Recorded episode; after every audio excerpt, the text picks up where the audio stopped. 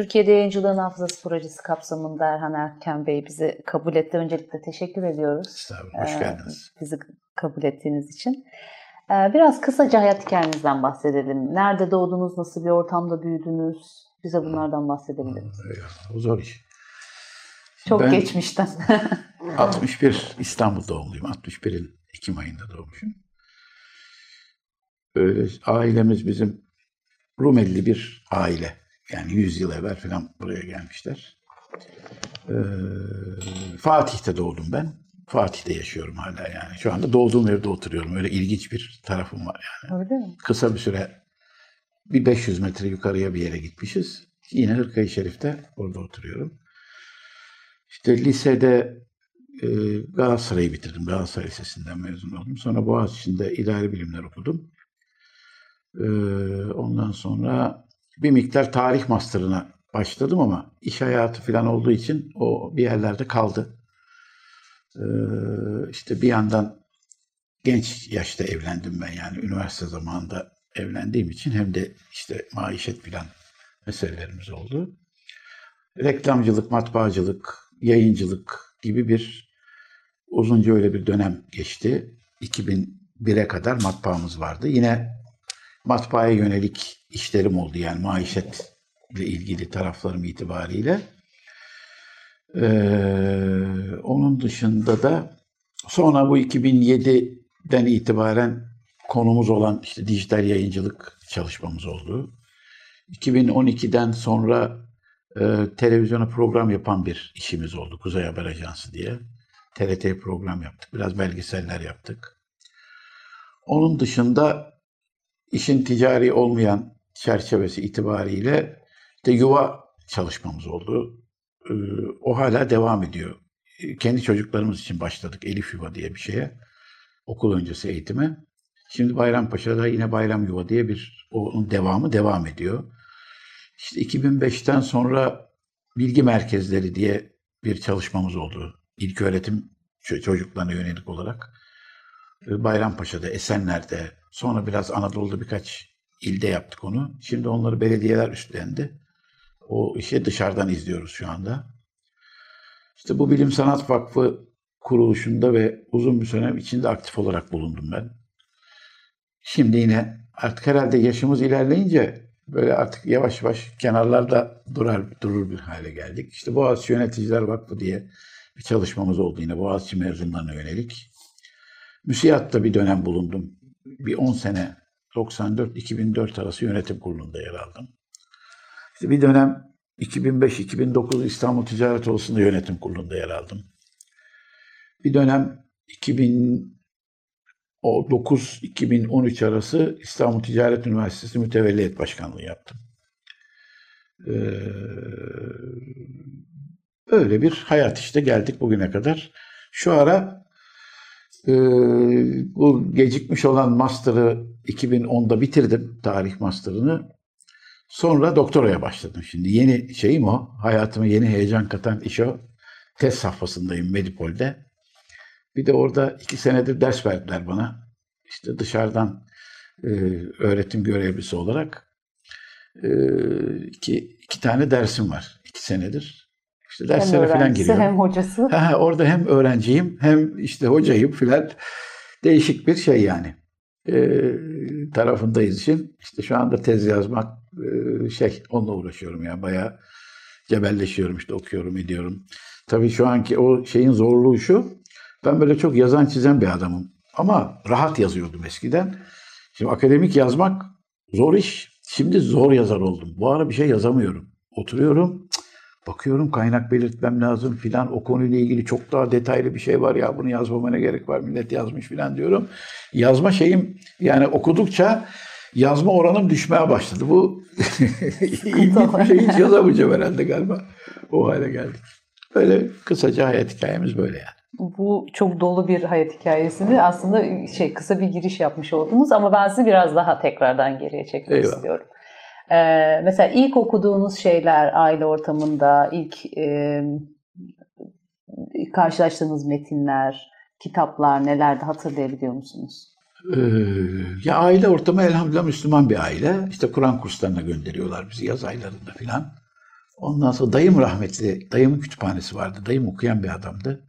Mesela e, onunla böyle ama daha klasik kitaplar işte Şifai Şerif, efendim şey, e, İhya-i Ulumiddin filan gibi öyle bir şey var dayımın. Mesela dayım beni elimden tutup Fatih Camii'nde Salih Hoca vardı. Şimdi iz yayıncılığın başındaki Hüsrev Şeref'in babası Salih Şeref.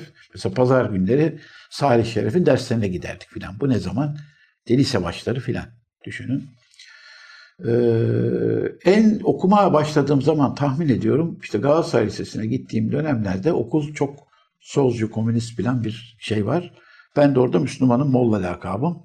İşte dinimi anlatacağım filan. O tartışmalar bende bayağı bir okuma şeyi oluşturmuştur. Yani e, işte kendi dinimi öğreneceğim. Efendim işte Darwinizmle mücadele edeceğiz. Ayetlerle ilgili bilgilerimiz olacağız. Komünizme karşı bir şeyler söyleyeceğiz. İslam'ın sosyal düzeni, iktisadi düzeni falan bununla ilgili e, bir şeyler arayacağız, bulacağız. Mesela Sezai Karakoç'un İslam Toplumunun Ekonomik Strüktürü kitabı iktisadi olarak benim ilk İslam ekonomisiyle ilgili şeyimdi. Çok o kitap zihnimi açmıştı. Lise döneminde mi okudunuz? Lise dönemiydi. Komünistin birine vermiştim. Aldı o kitabı bana uzun bir reddiye yazdı mesela. Böyle diyor bunun iktisattan haberi yok filan. Ben tabii onun üzerine işte İslam ekonomi doktrini diye koca bir kitap almıştım. Onu okumaya başladım filan. Ee, yani ilk okumayı farkına vardım. Ha belki işte Texas Tom Biggs, Tom Braggs filan onları da küçüklüğümüzde okumuşuzdur filan ama şeyler, hikayeler. Ee, işte Ömer Seyfettin'di. Kemalettin Tuycu çok okuduğumu hatırlarım.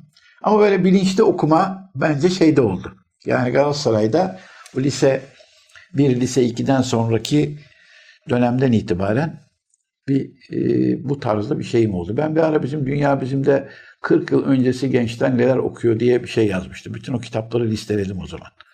İşte böyle e, akaidde şunu okuduk, de, şeyde hadis usulünde bunu okuduk filan gibilerini. Ama belki dediğiniz soruya uygun e, herhalde lise 2'lerden sonra bu tür o dönemin ufuk açan kitapları diyebiliriz yani.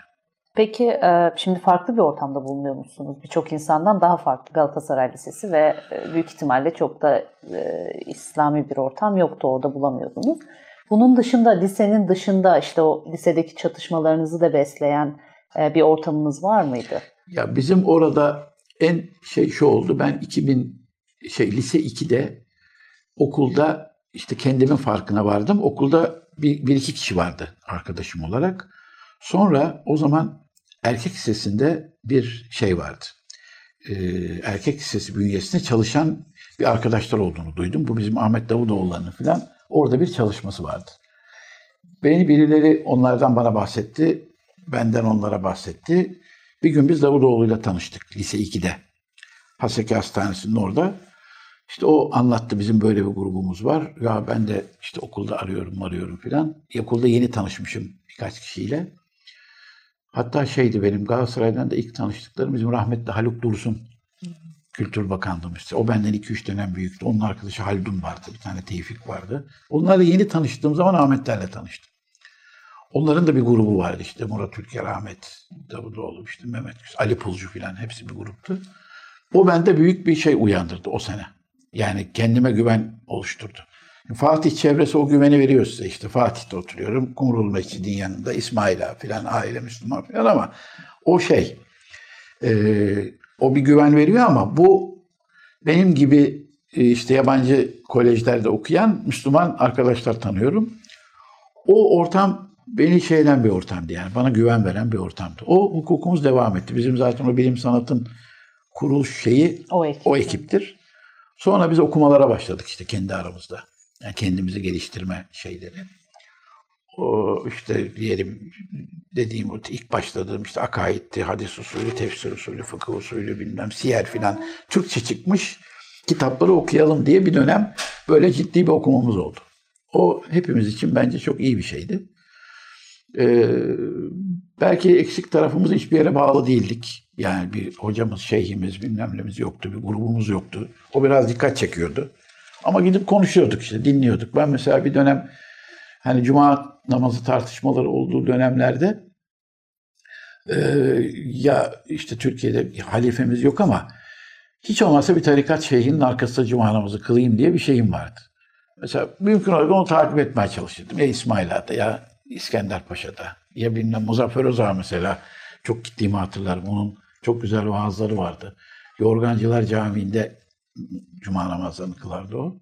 Ya bunun gibi böyle bunlar mesela tabii bir de ha şunu diyebilirim onu ihmal etmeyeyim. Galatasaray'da yine lise 2'de Şevket Egi ile tanıştım ben. O bizim abimizdi Galatasaray'dan. Şevket abinin de bize çok tesiri olmuştu. Ee, onunla ilk işte tanıştıktan sonra o mesela işte okuma yazma biliyor musun? Onun klasik sorusuydu. Önüne bir tane Osmanlıca işte oku bakayım bunu diyor. Sen alıyorsun. İşte hani Kur'an okuduğun için bir şeyler çıkıyor mu? Yok öyle olmaz adam gibi okuman lazım. Mesela beni alıp bir Osmanlıca hocası ayarlayıp e, Osmanlıca dersi almamı sağlamıştı. Lise Lisede. 2'de. Tabii. Yani o zaman basın müzesi vardı belediyenin.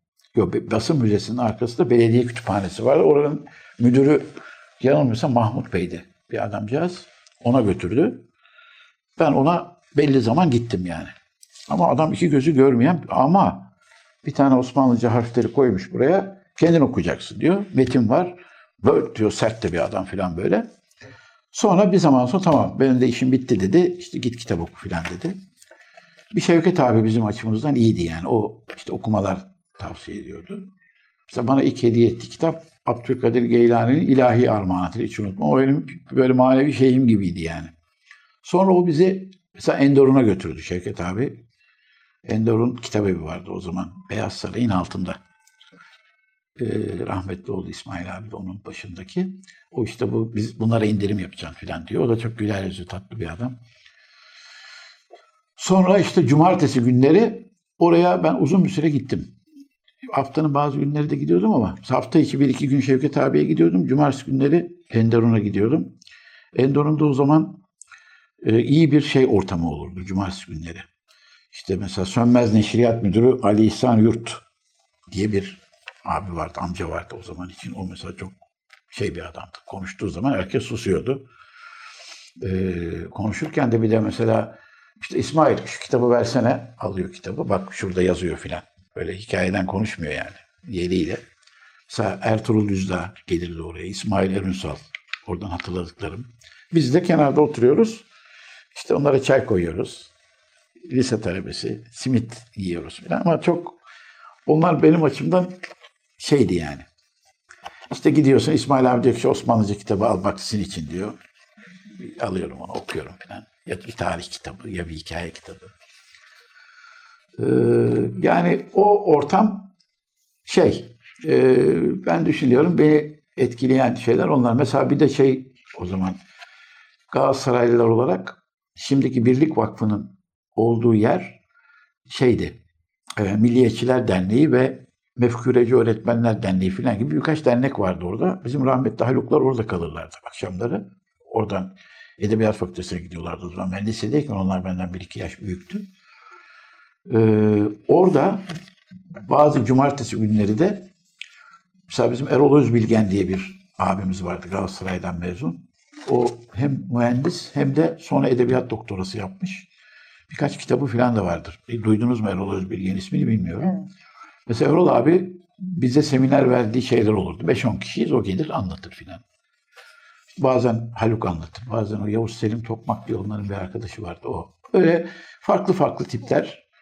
Şimdi bunlar işte tutamak tutamak. Yani Şevket abi, onun çevresi, işte bir şey Enderun, bizim e, işte erkek serilerle olan o grubumuz filan bunlar tahmin ediyorum. Yani insanın zihninin dokunduğu alanlar diye düşünüyorum yani geriye dönük kimler tesir etti. İşte İsmail Ağa civarı bizim Kumrulu Mescid'in İmamı Hasan Efendi, Müezzin Kadir abi. Mesela onlarla hadis okuyoruz.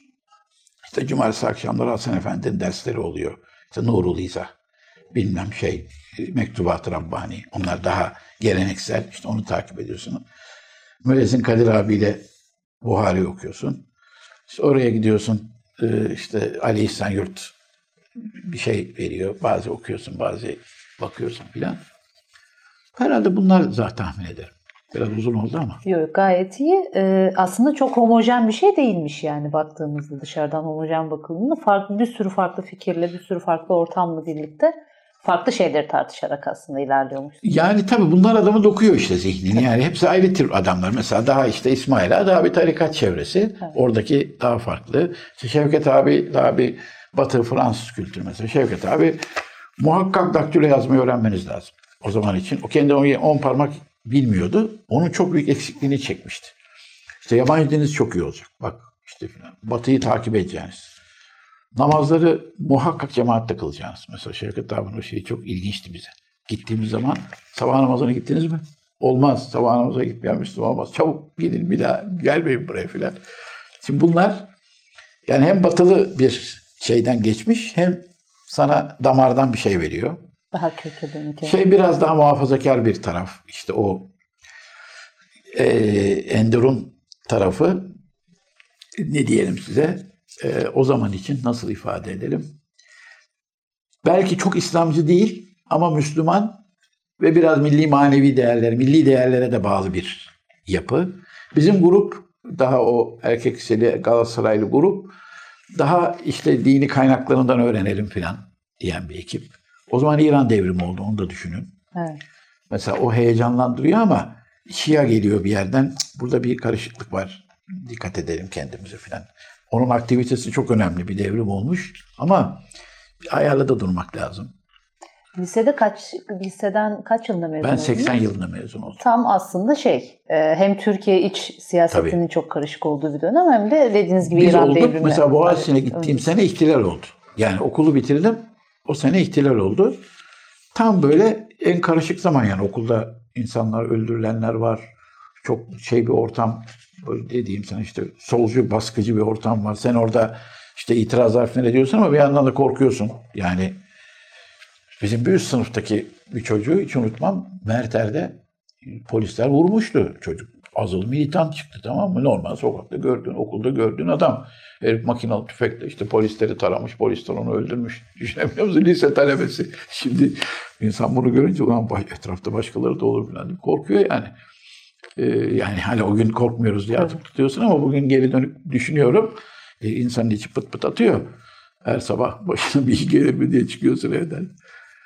Ama Hemen tabii o insanı besleyen de bir şey yani. Her an bir şeye hazırlanıyorsun işte mücadele okuyorsun. sıcak bir ortam çünkü He? yani sıcak Tabii, ve tabii. uyanık olmanız gereken bir ortam. Bir de tabii şöyle hani ben onu düşünüyorum bazen. Bizim nesilde bir vatan kurtarma hastalığı var. Tamam mı? Yani o kadar problemlerin ortasında yaşıyorsun ki bütün Türkiye'yi ve dünyayı, İslam dünyasını biz kurtaracağız. Her bir konuya vaziyet etmemiz lazım. Hem müştehit olacağız.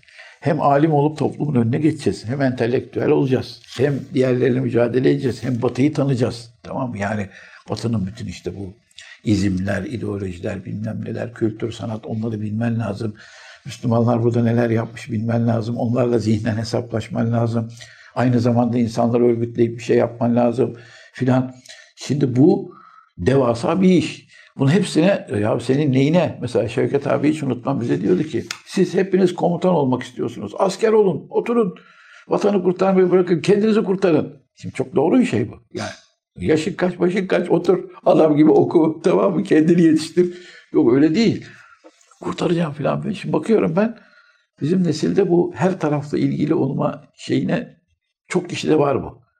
Ee, ihtisaslaşma bizden sonraki nesillerde daha fazla var. O dönemle mi alakalı o zaman? Sanki onun da tesiri var zannediyorum. Yani bizim neslimizde de mesela bu tür gürültü patırtıya girmeyip bir tarafa takılan adamlar oldu. Onlar şu anda bana göre daha şey bir yerdeler. Yani bir alanda uzman adam.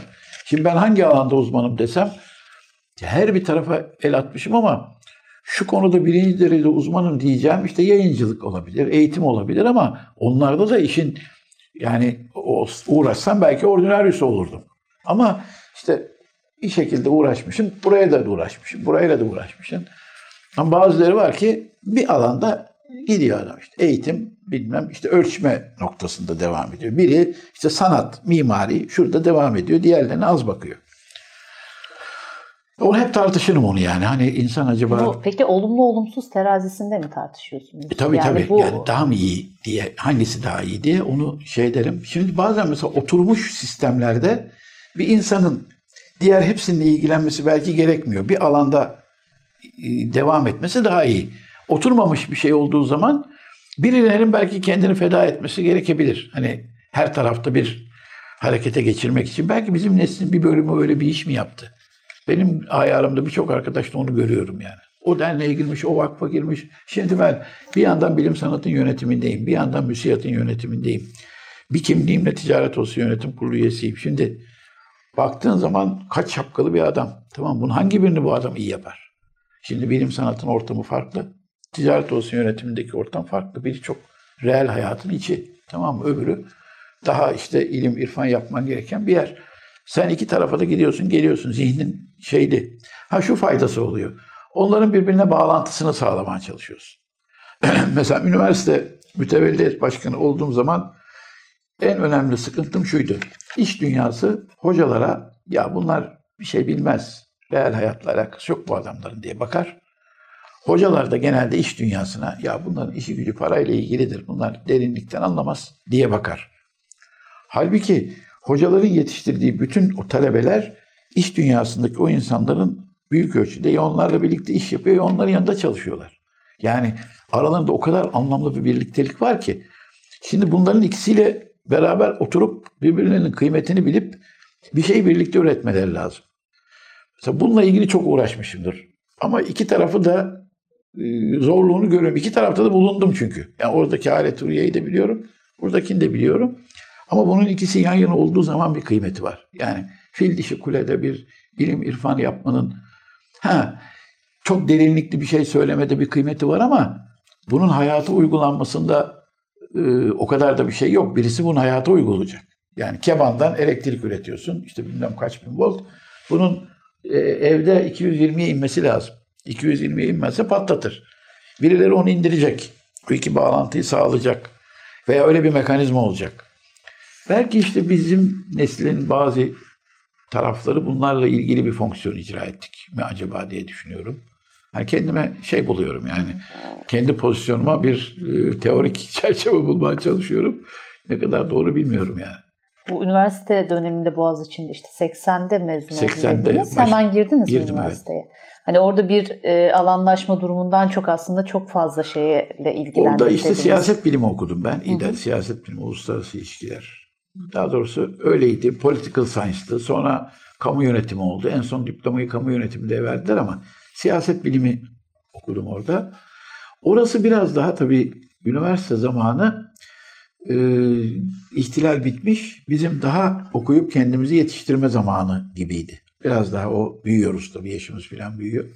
Mesela orada şu şey oldu. Ben mesela eğitimle ilgilendim diyelim. Yuva kurduk biz. 86 yılında çocuk yuvası kurduk. Üniversiteden sonra Üniversitede üniversiteden mezun sonraki yıl. yani? Hı. Yani 83'te benim üniversitedeyken çocuğum oldu. 3 yaşına geldi benim büyük oğlan Ali, Mehmet'in abisi. E şimdi çocuk eğitimi, çocukların yetişmesi lazım. Aynı dönemde evlenmiş arkadaşlar grubuyuz. Evlerde bu çocuklara eğitici bir şey yapalım. Hanımlar da onun arayışındalar. İşte haftanın bir günü birimizin evinde, birinin birimizin evinde. Sonra haftanın iki günü bizim bir yazlık ev vardı Basınköy'de. Orayı ayarladık. Arkadaştan hanımlarından birkaç kişi ilgileniyor. Çocuklara orada bir yuva şey yaptık. Yani illegal bir yuva. Bir tane minibüs aldık. İşte yuvanın e, e, şeylerini yakıyoruz. Kalorifeni falan yakıyoruz. Minibüs çocukları götürüyor. Duyan getiriyor, duyan getiriyor. İlk sene 40-50 tane çocuk oldu.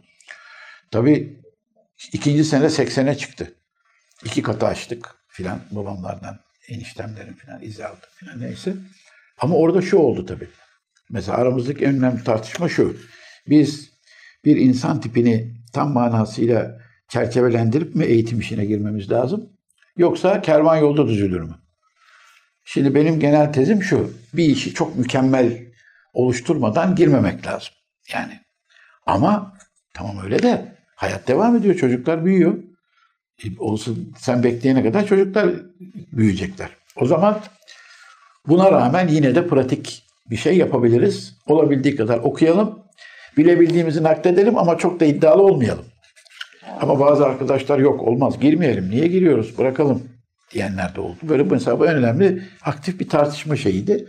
Şimdi hem yuva işi yapıyoruz hem okuyoruz. İşte pedagojik olarak bu nasıl olmalı? O zaman okuduğumuz şeyler ne var? Bizim mahallede henüz bununla ilgili ciddi bir şey yok. İşte o bizim Boğaziçi'nde Çiğdem Kağıtçıbaşılarının falan oluşturduğu bir şey var. İşte Yapan'ın yayınları falan var. Yani böyle Müslümanca bir okul öncesi eğitim e, konsepti yok. Bir bölümde bizi muhalefet ediyor. Bu yuvalar kapitalizmin bir şeyidir. Bunları niye kuruyorsunuz? Anneleri yetiştirmemiz lazım. O da bir tartışma alanıydı. Ya iyi de anneler yeteri kadar yetişmiyor her zaman. O zaman biz yuva gibi bir şey yapalım. Annelere babalara da eğitim verelim. İkisini birden eğitelim. Ara bir yol. Ee, işte ondan sonra öğretmen yetiştirmemiz lazım. Öğretmen yetiştirme seminerleri yaptık. Her sene. Bilim Sanat Vakfı'nda yaptık o zaman. Sertifika verdik millete. Bir bölümünü kendi yuvaya aldık. Şimdi mesela bu şartların getirdiği ciddi bir uğraştı. Çok ciddi zamanımızı aldı o. E sonra alet edevat lazım. Mesela ilk boyama kitabını, boyama kitabı yoktu. Ben oturdum o zaman Bekintoş'um vardı, reklam ajansımız da var. Bir tane harita çizdim, hiç unutmam. Ee, sınırları olmayan bir harita. Orta Doğu haritası. Çocuklara onu koyuyoruz. Yani İslam ümmetinin sınırları yok. Böyle çizsinler filan tamam mı? Sonra bizim velilerimizden biri Kemal Güler'di. Kemal Güler şimdi bu Akit gazetesinin grafik işleni çok güzel bir karikatüristtir Kemal. Onun kızı da bize geliyordu. Kemal bize namaz kılıyorum diye bir kere olan tiplemesi yaptı böyle 5-6 tane. Çok güzel onu elde boyattırdık. Ya Kemal bunu geliştirelim. Oruç tutuyorum, hacca gidiyorum filan. Kemal onları yaptı. Ben bizim matbaada bastım, ciltlettim. Böyle seri halde şeyler, Elif Eğitim Hizmetleri, boyama kitapları. Tamam mı? Ondan sonra bir tane Elif Aile diye bir şey yapalım. Ailelere yönelik. Kemal Çakmaklı diye bir adama bir kitap yazdırdık. Onu devam ettirecektik. Sonra dedik bu olmayacak. O zaman toplayalım dedik. Eğitimle ilgili ne var? Bayağı bir şey ettik. Az da olsa topladık. Bizim yuvanın bir tarafında öyle bir sergi yaptık. Velilere bakın. Okunacak kitaplar bunlar. İşte öğretmenlere şey yapıyoruz. Mesela yurt dışından yayın evlerinin, üniversitelerin alayına yazı yazdık o zaman. Bugün gibi yok. Mektup yazdık. Bize kataloglarınızı gönderin. Geldiler onlar. Ben yayıncıların birçoğuna dedim ki bakın bunlardan basmak lazım. Oxford bunu yapmış, Cambridge bunu yapmış. Çok kişiye şey yapmışımdır. Yüreklendirmişimdir yani. Sonra işte bizim uçurtma yayınları vardır. Abdül Uşaklıgil. O mesela seri halde bir kitaplar yayınladı. Şimdi düşünün bir iş yapıyorsunuz malzeme yok. Tamam mı? Şimdi çocuk kitapçılığı çok yayıldı şimdi. Ya ilk boyama kitapları esasında tarihtir o bizimkidir yani tahmin ediyorum. Yoktu yani. İşte öğretmen yetiştirmen lazım. Müfredat oluşturman lazım.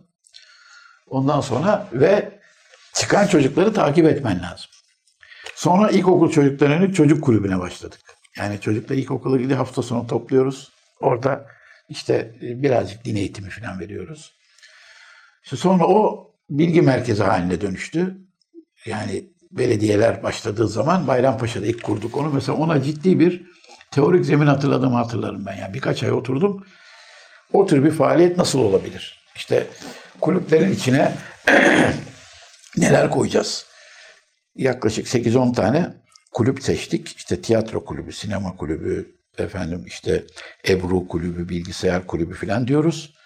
Bunların içine gelen çocuklar ilgi alakalarına göre her çocuk 3 tane kulübü seçiyor. Haftada 16 saat kalıyor bilgi merkezinde ve her haftaya bir kavram koyuyoruz. Kavramları da şöyle seçiyoruz. Milli eğitimin kavramları var. İşte Yeşilay haftası, Kızılay haftası, bilmem ne haftası filan. Onların hepsine bir İslami motif koyuyoruz.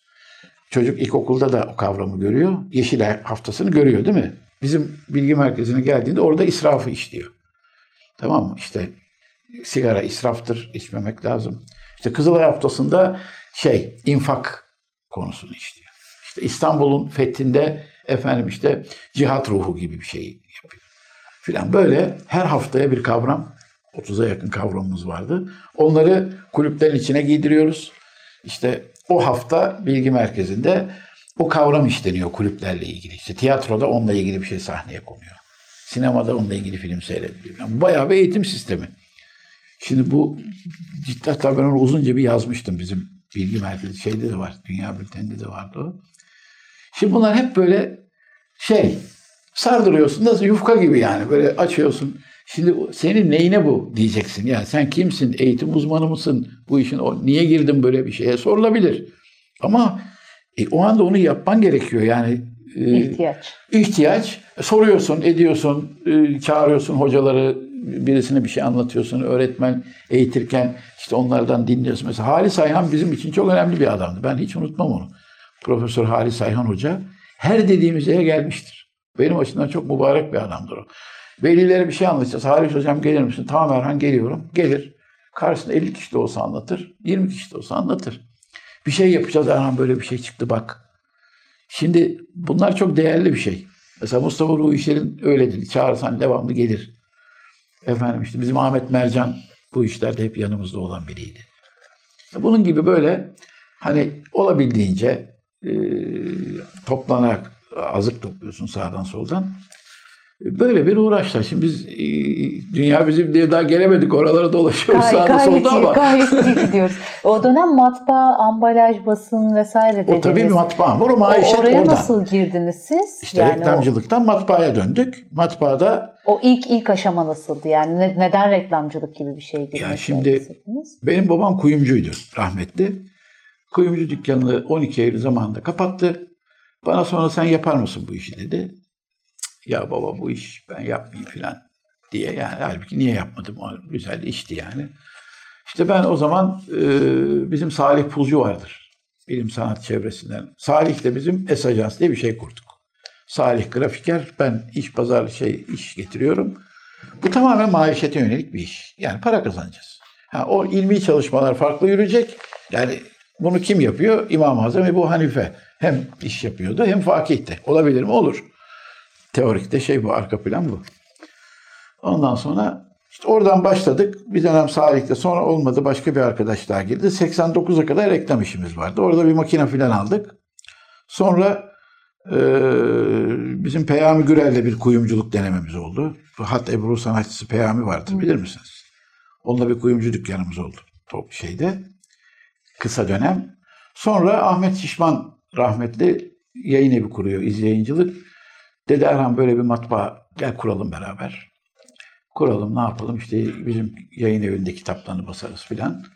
Tamam Ahmet abiyle matbaaya oradan girdik. Sonra mücellitane oldu filan bayağı büyüyecek bir matbaa oldu. Sonra ambalaja döndü. Hem kitap hem ambalaj filan da yapıyorduk. Yani bu tamamen e, para buradan kazanıyoruz. Diğerlerinin hiçbirinin para kazanma tarafı yok. Mesela Yuva'nın hiçbir ticari şey olmamıştır bize. Onun dışındaki işte vakıf makıf o faaliyetlerin işte ne bileyim müsiyattı, İTO'ydu onların bir ticari işi hiç olmamıştır. Bir yerden geçinmeniz lazım. Bunlar geçinmeyle ilgili olan taraf. Ha tabii onun e, geçinmeye de yönelik hem de olsa becere, becermek iyi mi olurdu? Belki daha iyi olurdu ama onu ikisini birleştiren bir işimiz olmadı yani.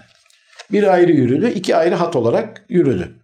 İşte burada iş yapıyorsun, akşam gidiyorsun Bu oraya. 80'ler 90'lar arası değil mi söylediğiniz? Tabii, yani 2000'ler de 90'ları böyle. aşmıştır tabii değil mi? Efendim? Tabii 90'lardan sonraya da aşmıştır. 90 tabii. bu süreç. 2001'e kadar matbaam vardı benim. Hmm. Mesela 2001'de matbaa o 2001 krizinde devrettim ben matbaayı. Sonra küçük bir kağıt işim devam etti.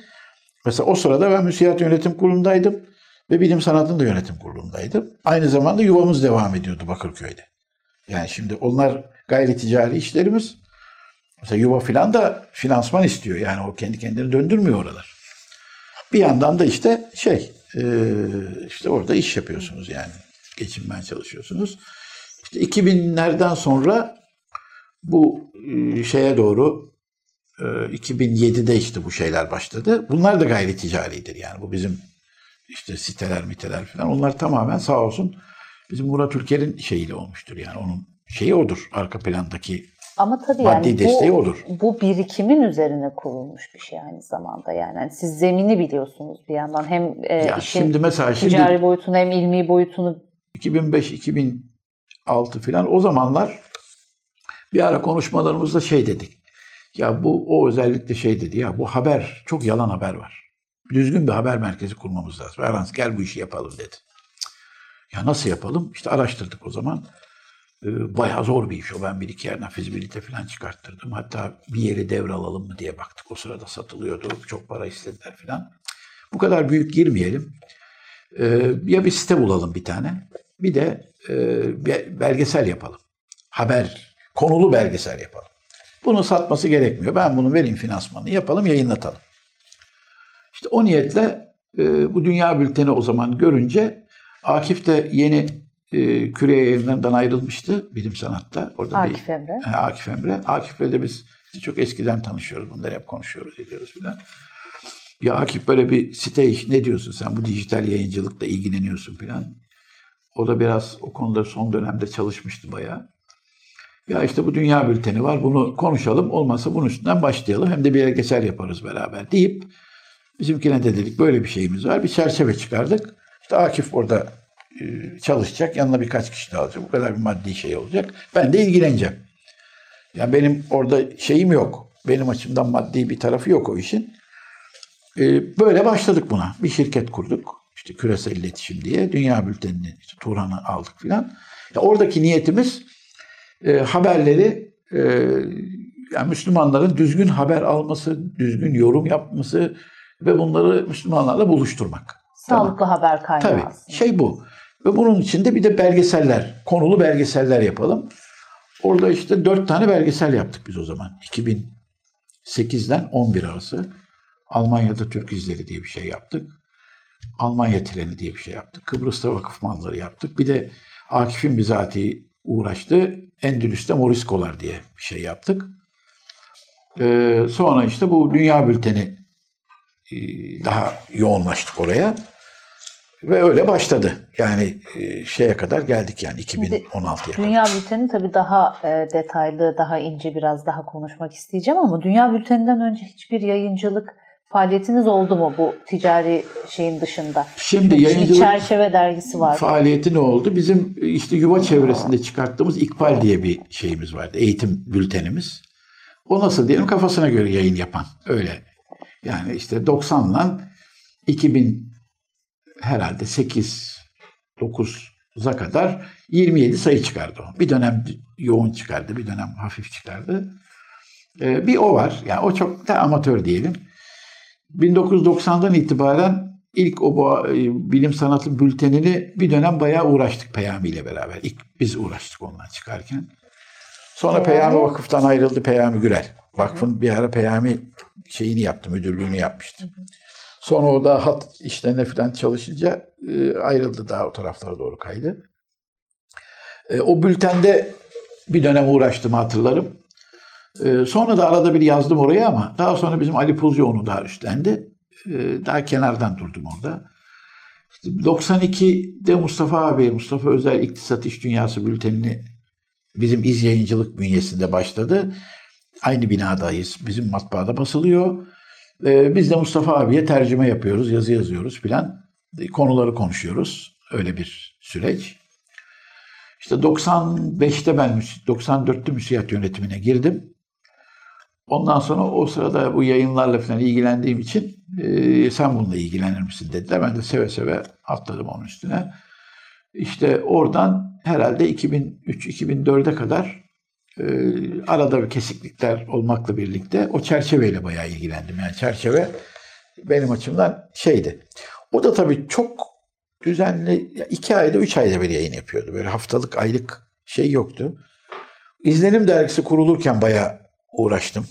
Yani o yine bizim Ahmet abiyle birlikte tam ayrılma sürecimizde Ahmet abiyle. Ama onun kurgusunda çok uğraşmışımdır ben. Yani e, sonra işte oranın başına Yalçın'ı bulduk. Ben daha kenara çekildim Yalçın Çetinkaya. E, sonra işte 2001'de Küre yayınları kurulurken onun ilk kadrosunda varımdır ben. Küre Klasik vakıf şirketiydi o da. E, yani yayıncılık şeyleri bunlar. Ama yani en yoğun ilgilendiğim işte çerçeve İkbal diyelim. Biraz da bilim sanat bülteni. Ee, Onun dışında yani bunlar hep yayıncılık tecrübesi ama böyle işte ne kadar e, çok önemli proje bilmiyorum da ama benim açımdan işte deneyim bunlardı yani. Çerçeve e, az evvel de gör- şey konuştuğumuz gibi ilginç bir dergi. Yani müsiat gibi bir kurumun altında çıkmış bir dergi ama işte kurumun ana yapısı ya da ana e, misyonunun çok da dışında yani çok daha farklı bir e, Evet. yerde duruyor. Çerçeveyi o bağlamda nasıl değerlendirirsiniz?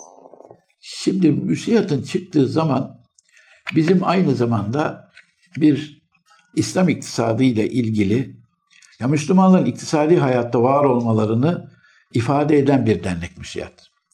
Ee, işte 80 sonrası Müslümanlar biraz daha para sahibi olmaya başlıyorlar. Türkiye'nin şartları içerisinde. İşte 90 yılı başında bir nevi TÜSİAD'a karşı bir hareket olarak çıkıyor müsiyat.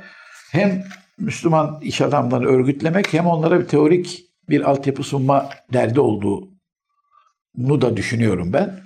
Ama tabii onun nasıl yapılacağıyla ilgili de çok netlik yok.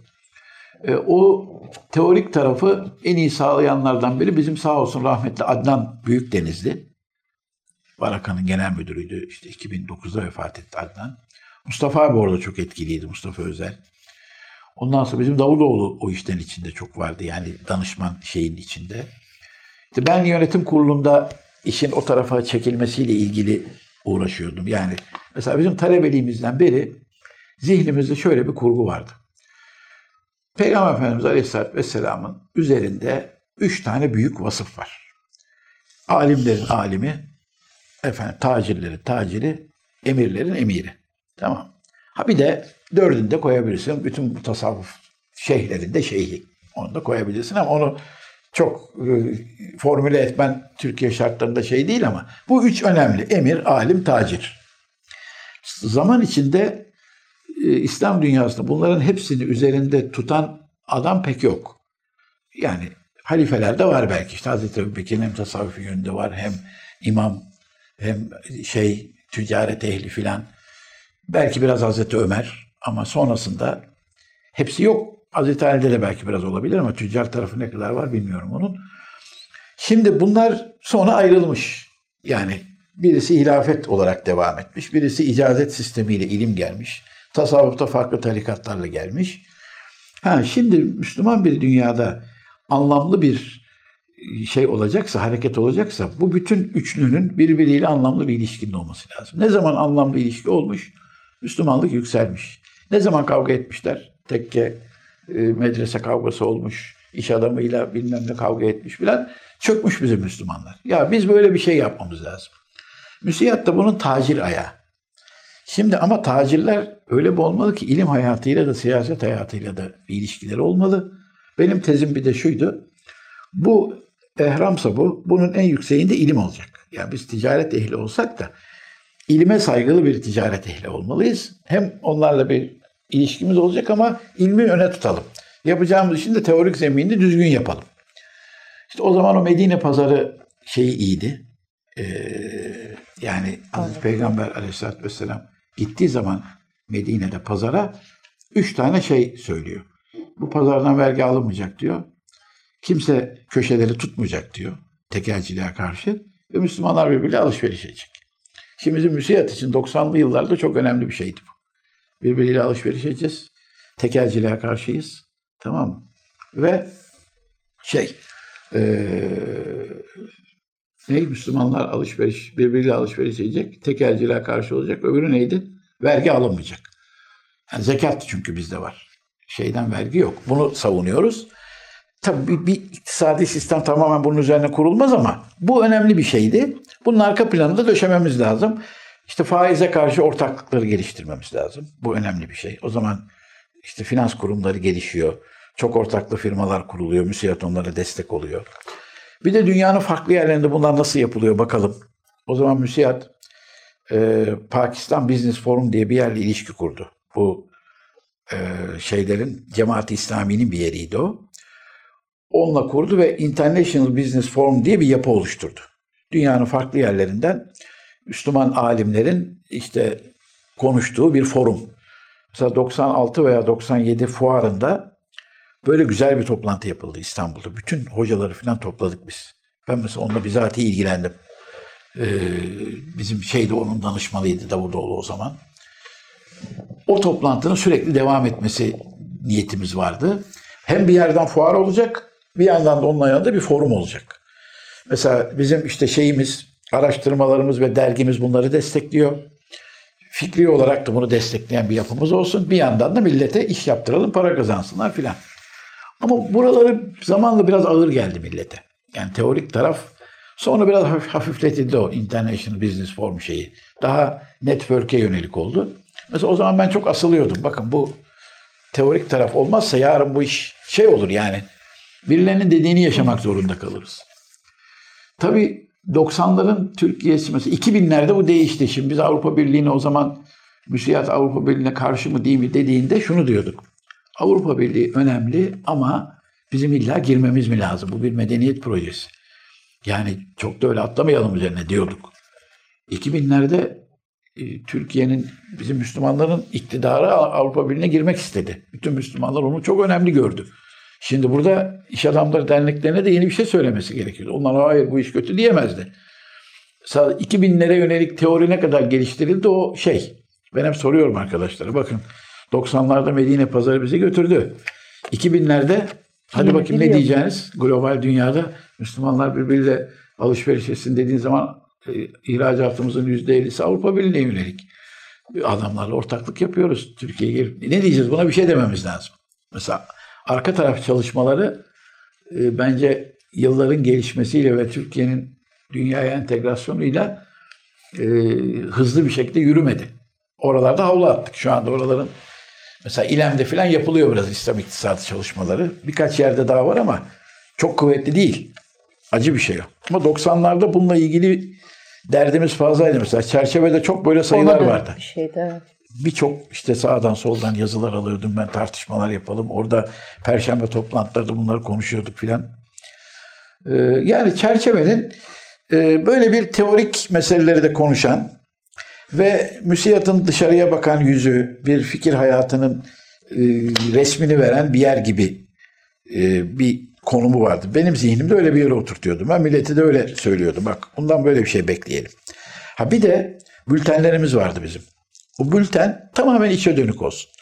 Şubelerin resimlerini yapalım, aktif şeylerimizi anlatalım, işte e, toplantılarımızı anlatalım, resimler çekelim bilmem ne. Buna bu ayrı bir şey. İşte sektörel dergiler çıkaralım. Bu pratik. Öbürü daha teorik. Buna çok dokunmayalım. Mesela Osmanlı'nın kuruluşunun 700. yılıydı değil mi? 1999. Ona yönelik çok güzel bir sayı çıkarmıştık mesela. Baba bir sayıydı o. Yani benim açımdan Türkiye'nin tarihiyle barıştığı bir zamanda Osmanlı'nın 700. yıl. Devlet kutladı çünkü onu. O zamana kadar biz hep ilkokulda tarih kötüydü bizim için. Mesela buna biz bir nevi karşıladık onu. Onunla ilgili seminerler falan yaptık. Yani karınca kararınca mesela eğitimle ilgili raporlar oldu müsiyatın.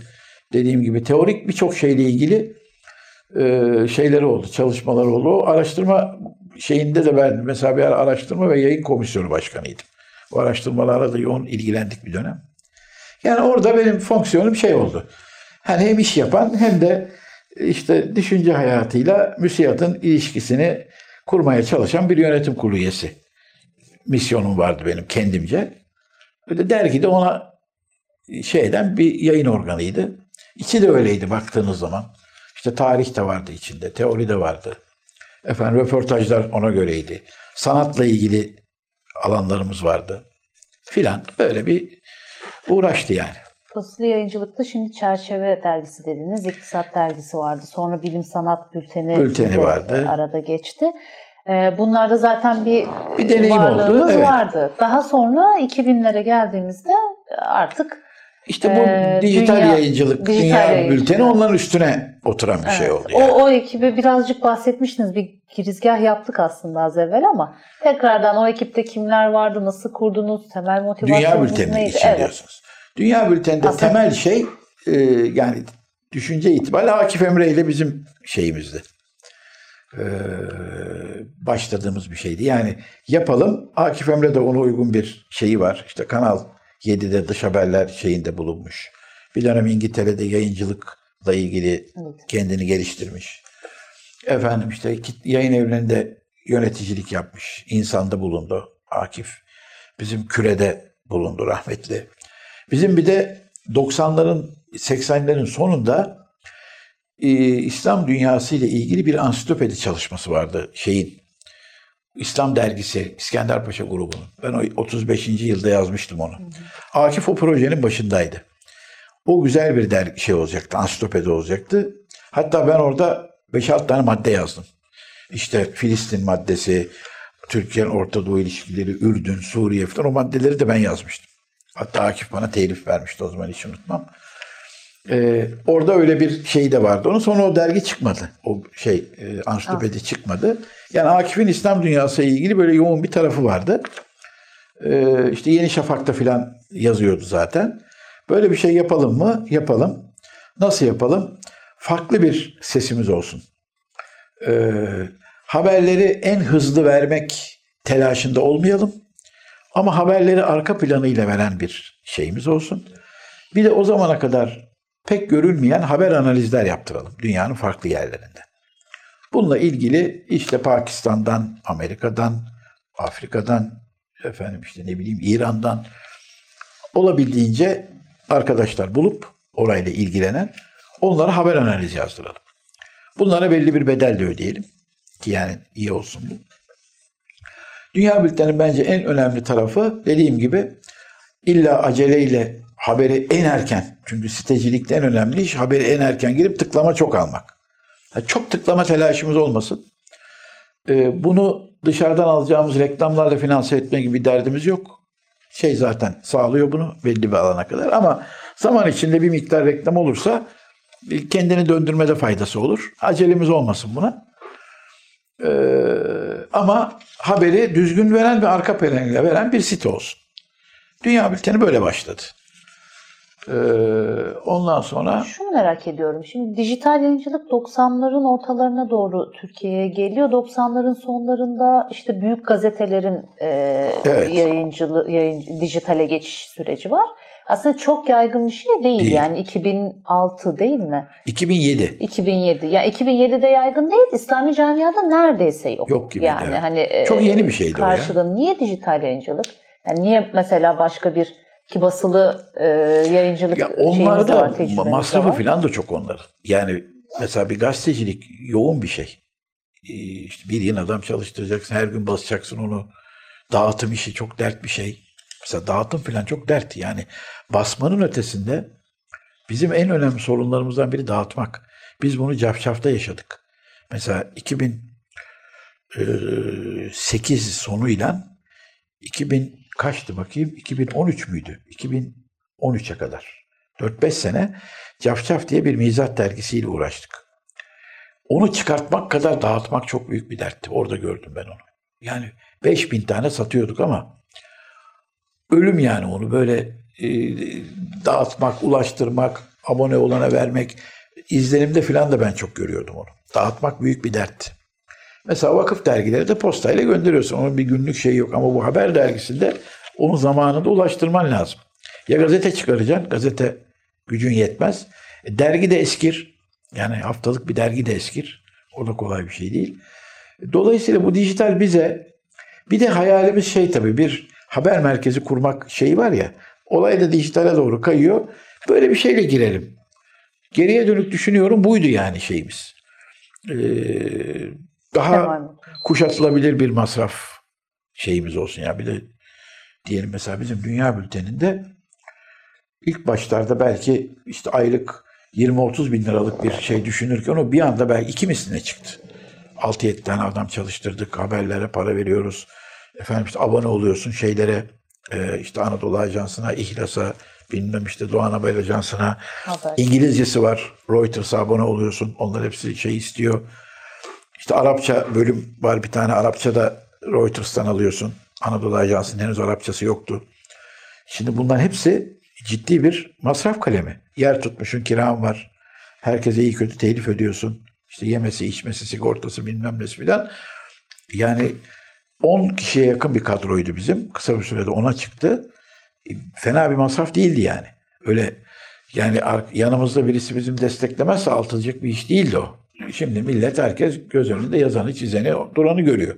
Ama arka plan her ay ayın birinde oraya bir para gelecek ve insanlar onu vereceksin. Onu vermezsen kimse de yazmaz oraya. Aynen böyledir de yani. Hatır için bir gün, iki gün, üçüncü gün aa teşekkür ediyorum. Bulamazsın kimseyi. Böyle de bir dünyadır o. Dolayısıyla kuşatabileceğimiz, kapsayabileceğimiz bir alandı ve bence de iyi olmuş yani. iyi ki de oradan girmişiz. Öbürü ne kadar beceredik bilmiyordum. Nefesimiz yetmezdi. Mesela 4-5 bin tane tıklayıcısı vardı biz Turan'la ilk başladığımızda Dünya Bülteni. Az değil. Turan Turan. Kışlakçı ilk kurmuş onu. 11 dilde başlamıştı. Sonra biz tanıştığımızda işte sen de bu iş içinde ol dedik. O da kabul etti. Ondan sonra ama bir şirket olsun işte ona da bir hisse verdik. Bakalım dedik bizim bu ticari bir şeyimiz yok. Tamam maaş vereceğiz çalışanlara falan ama buradan bizim açımızdan bir ticari beklenti yok. Böyle bir telaşımız da olmasın. Derdimiz buradan bir şey kazanırsak da buraya yatırım yapacağız. Tamam mı? Tamam. O da zihni şey bir adamdı yani. Dört bir taraflı ilgili ortalığı falan takip eden bir arkadaştı. Orada şey olmadı. Yani işte Akif falan o tutmadı sonra ona darıldı benimle şey etti filan ilişki bozuldu. Ben ayrılacağım filan dedi. O sırada biraz sancılı oldu ayrılması yani bir didiştik bir miktar. Neyse sonunda bir şekilde anlaştık. Ayrıldı. O sonra kendi Time Türk diye bir yer kurdu. Biz tabii o 11 dili azalttık. 3 dile indirdik. Ondan sonra işte Arapçasıyla İngilizcesi tabii ikisi de zordu mesela. İngilizce hani Türk Türk iş İngiliz kolay. İngiliz İngiliz kolay değil. Yani İngilizler okuduğu zaman ha evet bu e, bana hitap eden bir şey demesi lazım. O tür insanları bulmak kolay değil. İşte makalelerin İngilizce yazılması kolay değil. Sadece haberin ötesinde. Onlar biraz yoruyordu yani. Bayağı işte yorulduk. Arapça da aynı şekilde. O da zordu yani. İşte Mısır'dan bir arkadaşımız, Mısır'da Anadolu Ajansı'nda şeyi olan, bahis yöneticisi olan bir çocuk vardı. Onun üstünde uzun dönem şey ettik. Bir tane Suud'dan bir arkadaş vardı. İşte İstanbul'dan birkaç kişiye destek oluyordu. Ee, yani üç dil esasında zor bir şey. Kolay değil. İlk büroyu nerede bayağı kurdunuz? Şeyde, ofislerdeydi Beşiktaş'ta yani. Sabah gazetesinin hemen arka tarafında bir yerdeydi Barbaros. yerimiz. Barbaros'taydı. Ee, yani Dünya Bülteni'nin diyebileceğim işte en ayrım noktası ha, köşe yazarı çok yapmayalım demiştik Akif'le. Orada biz geldiğimizde bayağı köşe yazarı vardı.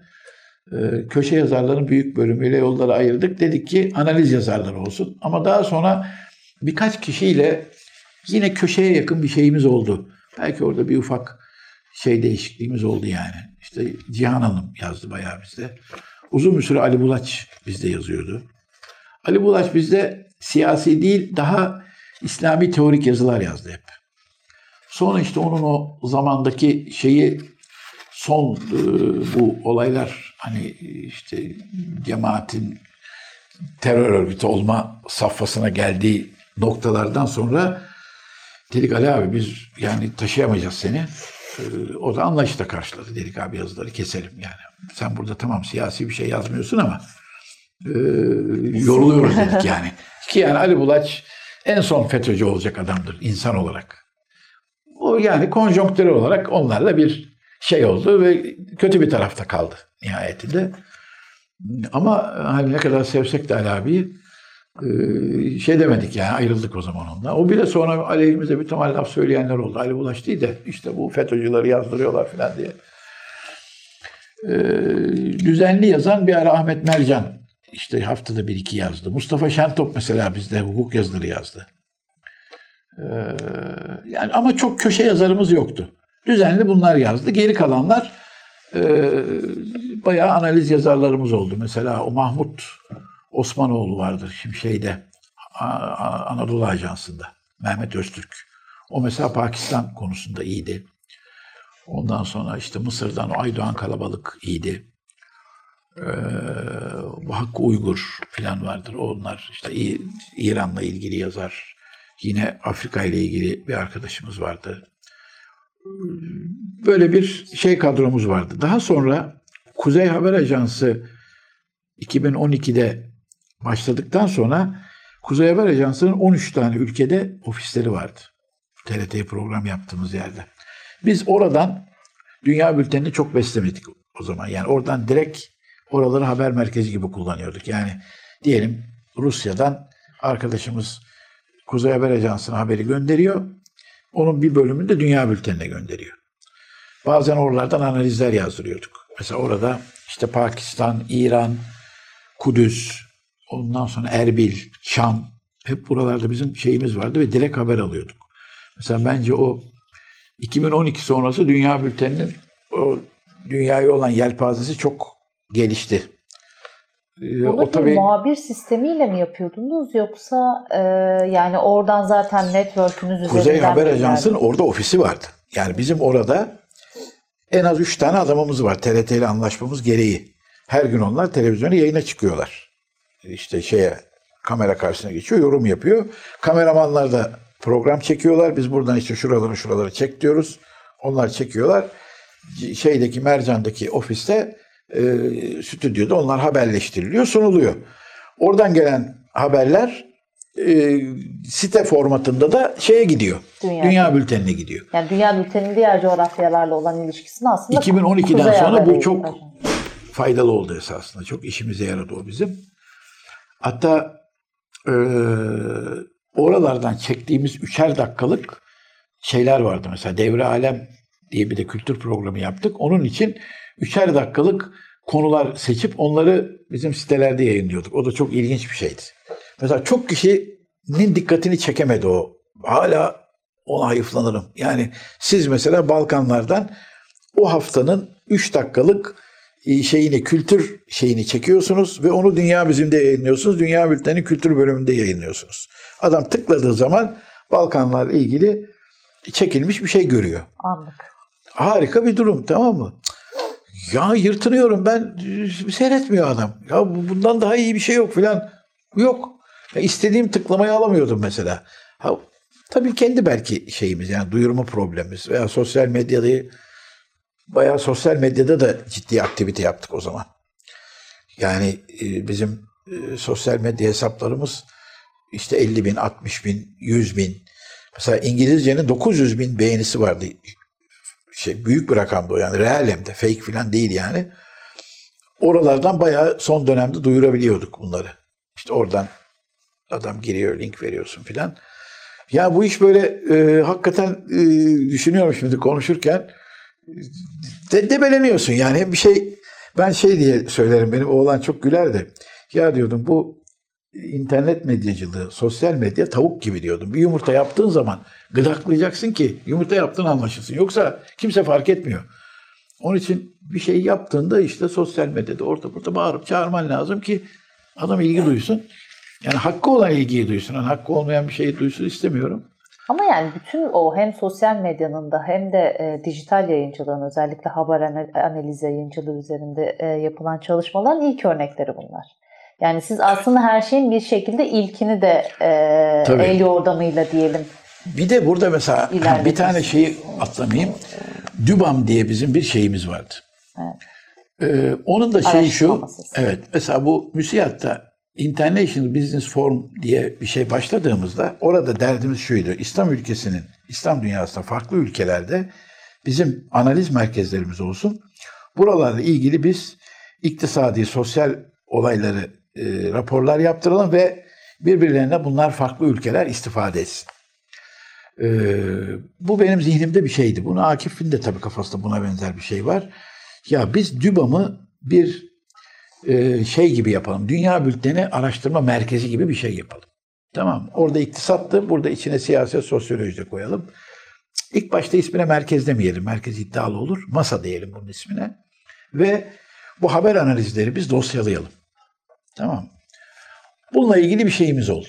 Ve bunları dosyalamaya başladık. Mesela işte Arap Baharı dosyası. Efendim işte Kuzey Afrika dosyası.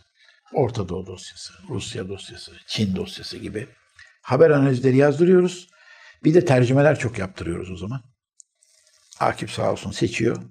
Sağdan soldan geliyor linkler. Onları tercüme ettiriyoruz. Onları sonra toplayıp dosya yaptık. Yaklaşık bizim orada 150'ye yakın dosyamız olmuştu. Mesela onlar çok kıymetliydi. Şu anda mesela onların linkleri bulunmuyor. Fatih'e Saraca diyorum. Fatih bunlar bulunmuyor diyorum ya. Karıştı onların. E, Başka bir server'a taşıyınca çoğu linkler bulunmuyor. Ama bir dönem onlar o kadar bence kıymetliydi ki benim büyük olan işte üniversitede hocalık falan yapıyor. O master tezlerinde falan baba diyordu Orta Doğu tezleri yapanlar çok istifade ediyor diyordu.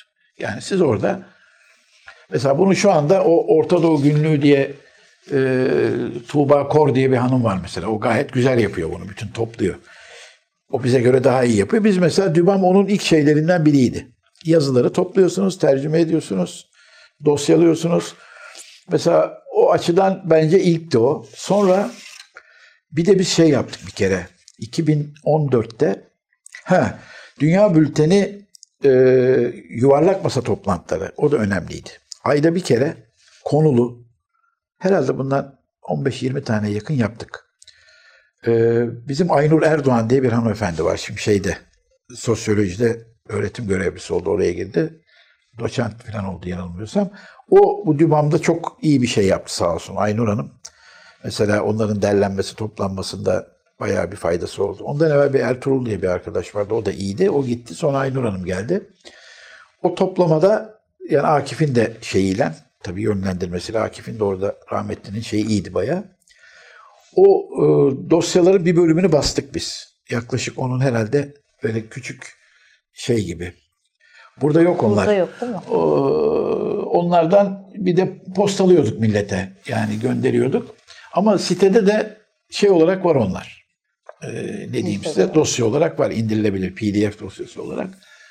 Ee, o mesela yuvarlak masa toplantılarında diyelim üç kişiyi çağırıyorsun. Aynur Hanım yönlendiriyor. Oradan bir yuvarlak masa yapılıyor. Videoya çekiyoruz onu. Video olarak da var. Şeyi de var. e, Bas, e, yazılı hali de var ve basılmış da yaptık onlardan bir dönem. O da mesela kıymetliydi. Sonra bir de şu önümüzdeki dünya bülteni, dünya bizim şeyleri Dünya var ya. Heh, onun gibi bir ara hem dünya bizimde hem dünya bülteninde bunları Bahçelievler Belediyesi ile yaptık. 2014'te onlara teklif ettik. Dedik ki sizin salonda yapalım.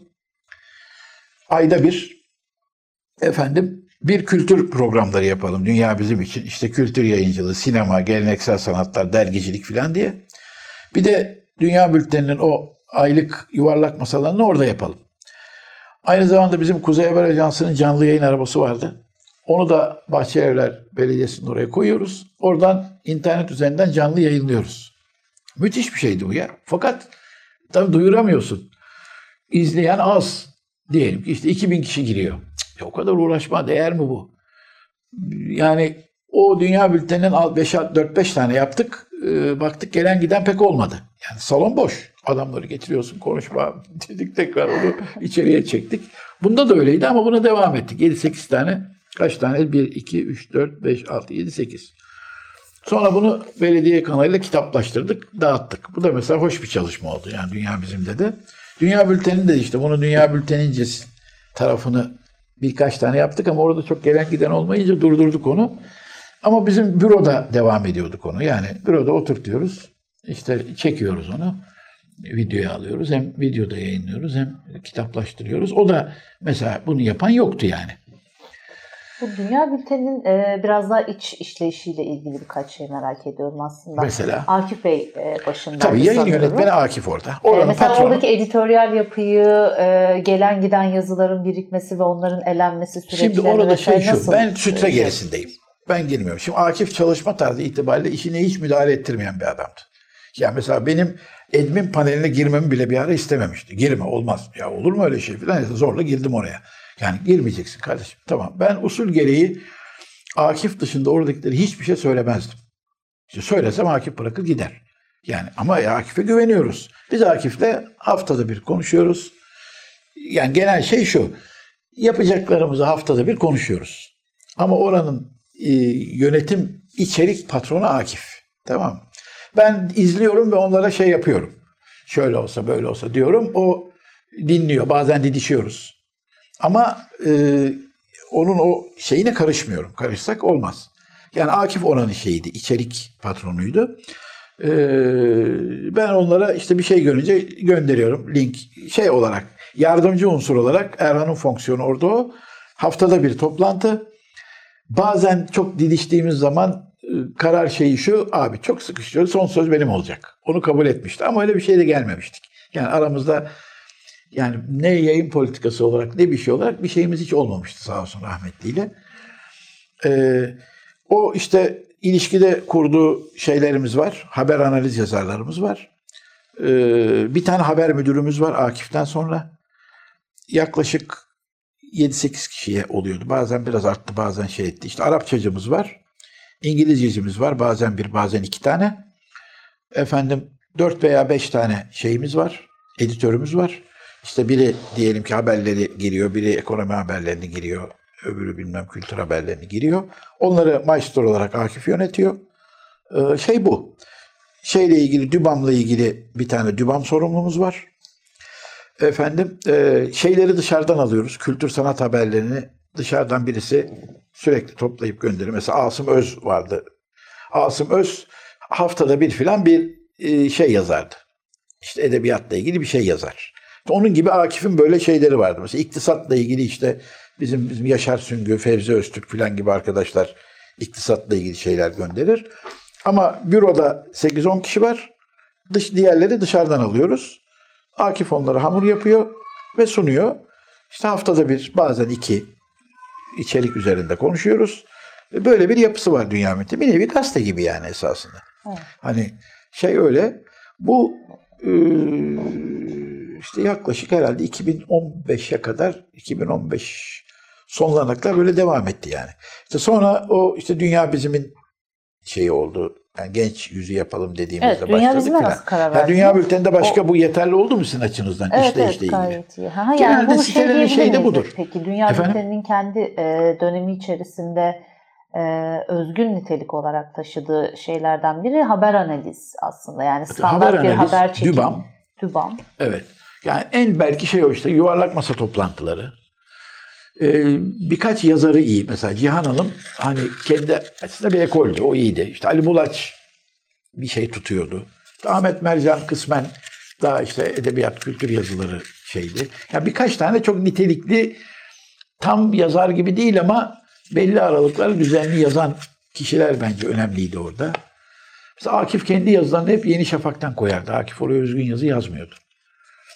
Ee, bunların tabii İngilizce ve Arapça olarak da bunların tercümeleri. Ha bir de tercümanlarımız yani birkaç tane iyi tercümanımız vardı. Onlar bayağı iyiydi yani o noktada bize destek olan tipler olarak söylüyorum. Başka orada özgün geriye dönüp bakıyorum da ne vardı? Herhalde bunlar aklımıza gelen yani. Sonra Dünya Bizim'i kurdunuz. Hemen E, Dünya bizim bir yıl 2008. sonra. 2008'de Dünya bizim. Onunla ilgili de önce biz birkaç tane genç toplantısı yaptık. Yani bizim oğlanlarla da konuşarak işte okullarda, çeşitli vakıflarda, derneklerde gençlik çalışması yapan kişileri bir iki toplantıya çağırdık. Dedik ki biz böyle bir şey düşünüyoruz. Dünya Bülteni içinde veya mustakil bize ne desteğiniz olur filan. Ee, böyle bir şey olsun istedik. Yani bir ihtiyaç var mı yokladık. O çağırdığımız ekipten e, yani iyi olur, faydalı olur filan dediler ama mesela oradan e, o siteye taşıdığımız az sayıda adam oldu.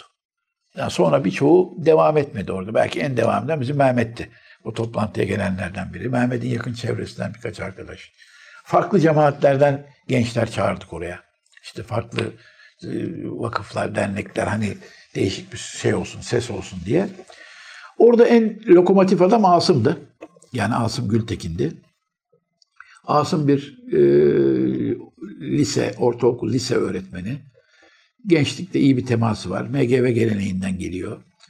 Efendim daha evvel izleyicilikte bu tür dergi falan yapmış. Oradaki e, şeyi kendine göre bir network'ü var Asım'ın. Ana yaklaşımı da şeydi. Onu benimsedik hepimiz. Çok detaylı haber değil, kültür haberi verelim. Yani bir de köşe yazısı olmasın. Biz haber verelim orada. Kültürel haberler verelim. Mesela adam işte bir işte şiir analizi yazacak. Yok. O bunun harcı değil. Burada bunları yapmayalım. Onu iyi tutturduk biz. Bazen bunu aşan az sayıda şeyimiz oldu. Ee, az sayıda kişiye bunu şey ettik. İşte atıyorum Yıldız Ramazanoğlu'nda bazen böyle bir şey yaptık. Zeki bulduk bazen oldu ya. Birkaç kişiye görmemezlikten geldik. O da fena olmadı. Bir ara Ahmet Mercan öyle bir şey yaptık. Ama genelde kültür haberi verelim. Dinamik olsun. Çok farklı alanlara gittik. İşte sinemasından, tiyatrosundan, kitap tanıtımından, eee, şeyler İstanbul'da özellikle İstanbul'daki bütün kültür olaylarını takip etme derdimiz vardı. Yani gidiyoruz. Orada işte şey muhabirlerimiz, amatör muhabirlerimiz Asım onları iyi örgütlüyordu. İşte Zeytinburnu'nda şu var, burada bu var, buraya sen git, şuraya sen git. Gidiyorlar. Ee, Oradan analiz gönderiyor. Onlar düzeltiliyor çoğu. Yani o ciddi de bir düzeltme işi var orada. Yani geliyor yazı, onun sağını solunu yeniden belki yazıyorsun. Ee, ondan sonra mesela çok ilginç şeyimiz vardı. Kaybolmuş adamları çok bulduk orada biz. Yani bir dönem yazar çizer ama mesela işte Şakir e, Şakir Bey vardı. Soyadı gelmedi aklıma. O mesela e, yazmış, çizmiş bir dönem. Sonra gitmiş Anadolu'da bir yerde bakkallık yapıyor filan. Çok nitelikli bir tip. Onu buldu biri. Röportaj yaptı. O şimdi bayağı yazıyor, çiziyor filan. Tekrar adam ısındı bu işe. Bunun gibi böyle hani vefa görmemiş, terk edilmiş filan onların ortaya çıkartılması iyi oldu. Ee, kitap şeyi fazlaydı. Kitap, dergi en çok oralardan geliyordu. Ee, Daha sonra işte 2013'e kadar Asım'la devam ettik. Orada da işleyiş Asım'ın üzerinden yürüyor. Yine biz haftada bir Asım'la toplantı yapıyoruz ama Asım'la yapmıyoruz. Asım'ın o yaz- yazan bir 15-20 kişiyle haftada bir toplanıyorduk. O düzenli şeydi. O bayağı iyiydi. Mesela Dünya Bülteni'nin kendi içinde ha Dünya Bülteni'nde şunu atlamayalım. Mesela Akif'in ben 35'li yazıda da yazdım. 35 yıllık Akif'le ilişkimizde de her sabah 10.30'da haber toplantısı yapıyordu. Bu çok kıymetli bir şeydi. Sabah 10.30 orada olur. Ben bazı ben de gidiyordum. Önce gelme gelme diyordu. Sonra ya geleyim buraya giriyordum içeri. Dinliyorum. Karışmıyorum dinliyorum. Ama çok nitelikli yani orada her yarım saat toplaşılıyor. Haber müdürü haberleri getiriyor. Haberleri nasıl bakılacak konuşuluyor ve dağılıyor millet. Yani bir konsensüs site için çok önemli bir şey. Gazetecilikte de böyle bir şey var ya. Toplanıyorsun işte her sabah veya haftanın her gün birkaç sefer. O bizim ayrıcalıklı tarafımızdı. Dünya bizimdir de bunu haftada bir o bütün ekip toplanıyordu. İlk başta 7 haber idi günde. Her gün 7 haber gireceğiz. Mesela Dünya Bülteni'nde diyelim ki 80-100 haber giriyor. Ama Dünya bizimde 7 haber giriyor. Az. Ama 7 tane özgün kültür haberi bulmak da kolay bir şey değil. Özgün bulacağım. Başka hiçbir yerde olmayacak. Bir de o. Bir yerde varsa ismi çalıntı. Ç tire alıntı. Ee, mesela ikiden fazla alıntı olmayacak. En fazla bir tane olabilir filan gibi şeylerimiz vardı. Ee, o haftada bir toplantılar iyiydi. Orada dağıtılıyordu. Konular belirliyorduk. İşte sen şunu yap, sen şunu yap filan. Ama orada ilk dönem olay Asım'ın üstünden gitti. Ben de e, Akif'te olduğu gibi şeyim. Olayın işte şeycisi ne diyeyim size. Ham hum hop filan diyeni pozisyonundayım. Ee, sonra işte 2013'te Asım biraz yoruldu. Haberleri 5'e indirdik filan. Belki bir yeri aşamamak da şey etti onda. Yani 6-7 binini geçemiyoruz. Hedefimiz 10 bin. Tıklama o da az değil baktığın zaman. Yani günde 6 bin 7 bin reel kişi tıklıyor orayı. 2013'te ya ben bırakacağım dedi. Ondan sonra iyi peki Asım bırak ne yapalım. Ondan sonra iki yıl ben uğraştım. Yani yayın yönetmenliği şeyiyle de debelleştim. İşte toplantıları yaptım bilmem ne falan. O sırada Mehmet daha işte şeyle ilgileniyordu. Mehmet de yardımcı olarak geliyordu bizim şeylere ama tam işin ucuna girmemişti. Bir ara Ürdün'e falan gitmişti onlar işte. Sonra Ürdün'den geldi. Eee, bizim bir şeyde de Kuzey Haber Ajansı'nda da ona bir editörlük işi ayarladık devre alemde. İki yıl 2015'e kadar ben uğraştım bununla. Ee, ondan sonra 2015'ten sonra Mehmet geçti. Benim hayalim şeydi biraz tabii. Dünya bizim de biraz daha daha imam hatip, ilim yayma, Anadolu gençlik falan öyle bir temele oturuyordu. Açılamıyordu yani çevre network'ten dolayı. Biraz açmamız gerekir diye düşünüyordum. Biraz ona uğraştım ben ya. Benim o zamanki de en büyük şeyim oydu. Yurt dışına da açılalım. Yani yurt dışından işte İslam dünyasından birçok yazarımız, çizerimiz, düşünürümüz var. İşte bunları tercüme edelim, koyalım, edelim filan. Benim uğraştığım zaman biraz onunla açıldık. En fazla Mehmet'in zamanında açıldık. Yani Mehmet'in ona uygun bir çevre şeyi de vardı. Orada yeni kişiler girdi devreye. İşte bizim bu Ayşegül, Ayşegül, Ayşenur Gökşen. O girdi. Şey girdi. Deniz Baran filan girdi. Birkaç daha arkadaş o yurt dışından işte hocalar, alimler, yazarlar, çizerler, onlarla röportajlar, onların tanıtılması filan konuları girdi. Biraz daha araştırmacı kültür yayıncılığına döndük. Mesela e, mesela şehirlerle ilgili yazılar yazmaya başladık. Mesela benim bir 81 şehrin içindeki rol modellerin ortaya konması projem vardı. Onu hala yapamadık. O benim kızıl emrim olarak durur. Yani 81 vilayetin bir arkadaşa bütün o 81 vilayetteki kişilerin listesini çıkartmıştım. Yusuf Günaydın diye bir arkadaşa. Yaşayanların değil ama vefat edenlerin. Yaşayan olursa problem olur diye. Hani bu şehrin sahipleri bunlar. Bunların çevresinde o şehri inceleyelim. Bu projenin şeyi de şu.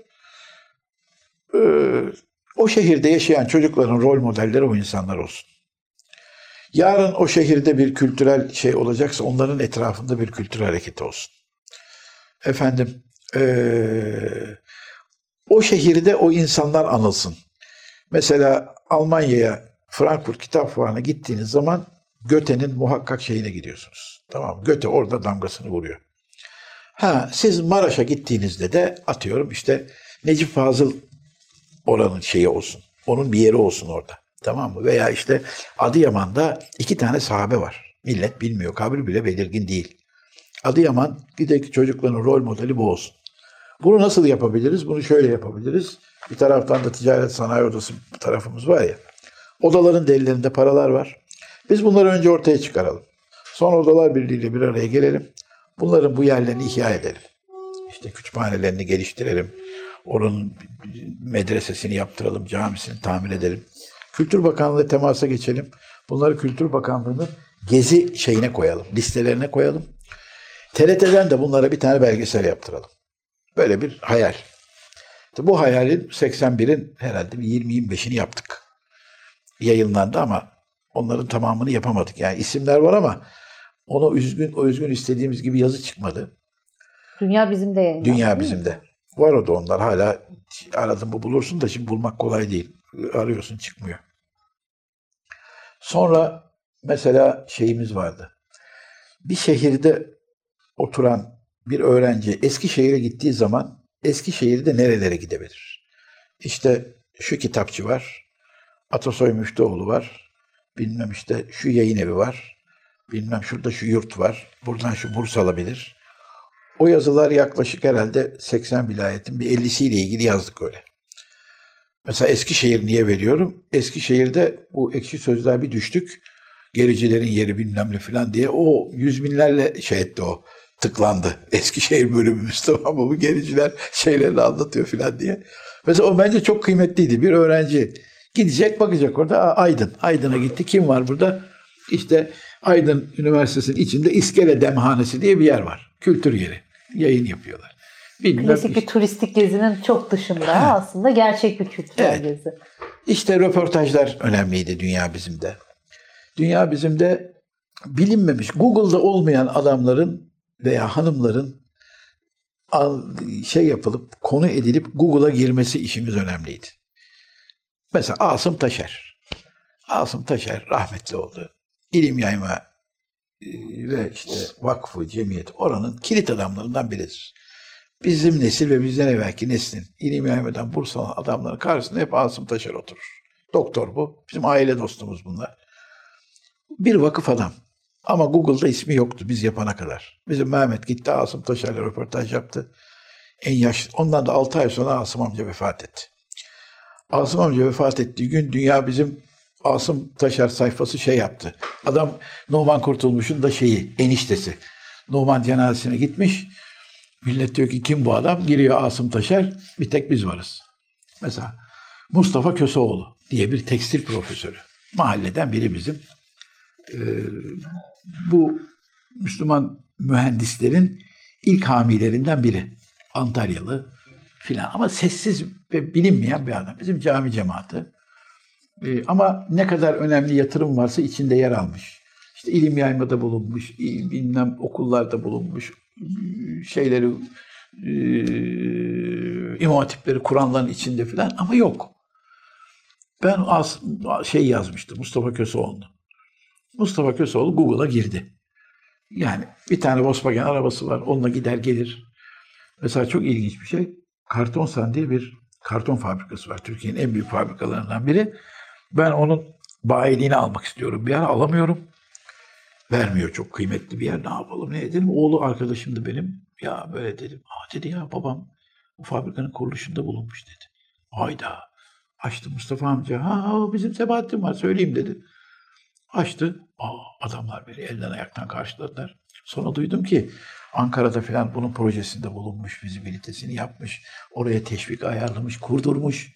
Ama oradan bir kuruş ne geliri var ne bilmem nesi var tamam mı? Memlekete hizmet için bir yeri kurdurmuş adam. İşte benim gibi birine telefon ediyor ben oradan bayilik alıyorum filan. Şimdi böyle adamlar var memlekette yani. Bizim eski nesilde. Hani şimdi hiçbir şey yapmamış artist dolaşan bir insan var. Onlar Google'da, Google'da her tarafta var ama Mustafa amcayı biz koyduk Google'a yani. Böyle bir hizmeti vardı onun. Böyle birçok insan var orada baktığınız zaman. Bunlar bizim açımızdan, dünya bizimden geriye kalan e, şey. İşte yazar çizer bir yeni insan çıktı. Yani ilk yazılarını bizde yazmış. İşte kitap analizleri yapmış. Şeyimiz şuydu. Biz hiç ihtilaflarla uğraşmayacağız. Tartışmalara girmeyeceğiz. Kimseyi eleştirmeyeceğiz yıkıcı bir şekilde. Bu önemli bir şeydi. Yani beyaz yazacağız. Kötü yazmayacağız. Açık olacağız. Şu cemaat, şu tarikat, şu teşkilat. Bir yerden sonra bazen böyle ya siz sağcılaşıyor musunuz filan diyenler oldu.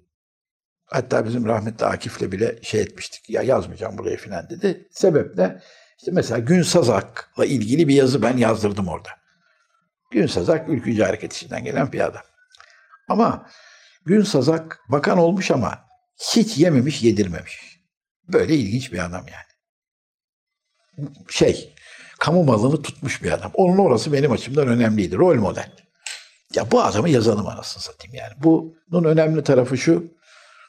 Gavur değil. Müslüman, kıble ehli. Fazla millici. Ama bakanlık yapmış ve bir an ayağa kaymamış. Ve kültür adamı aynı zamanda.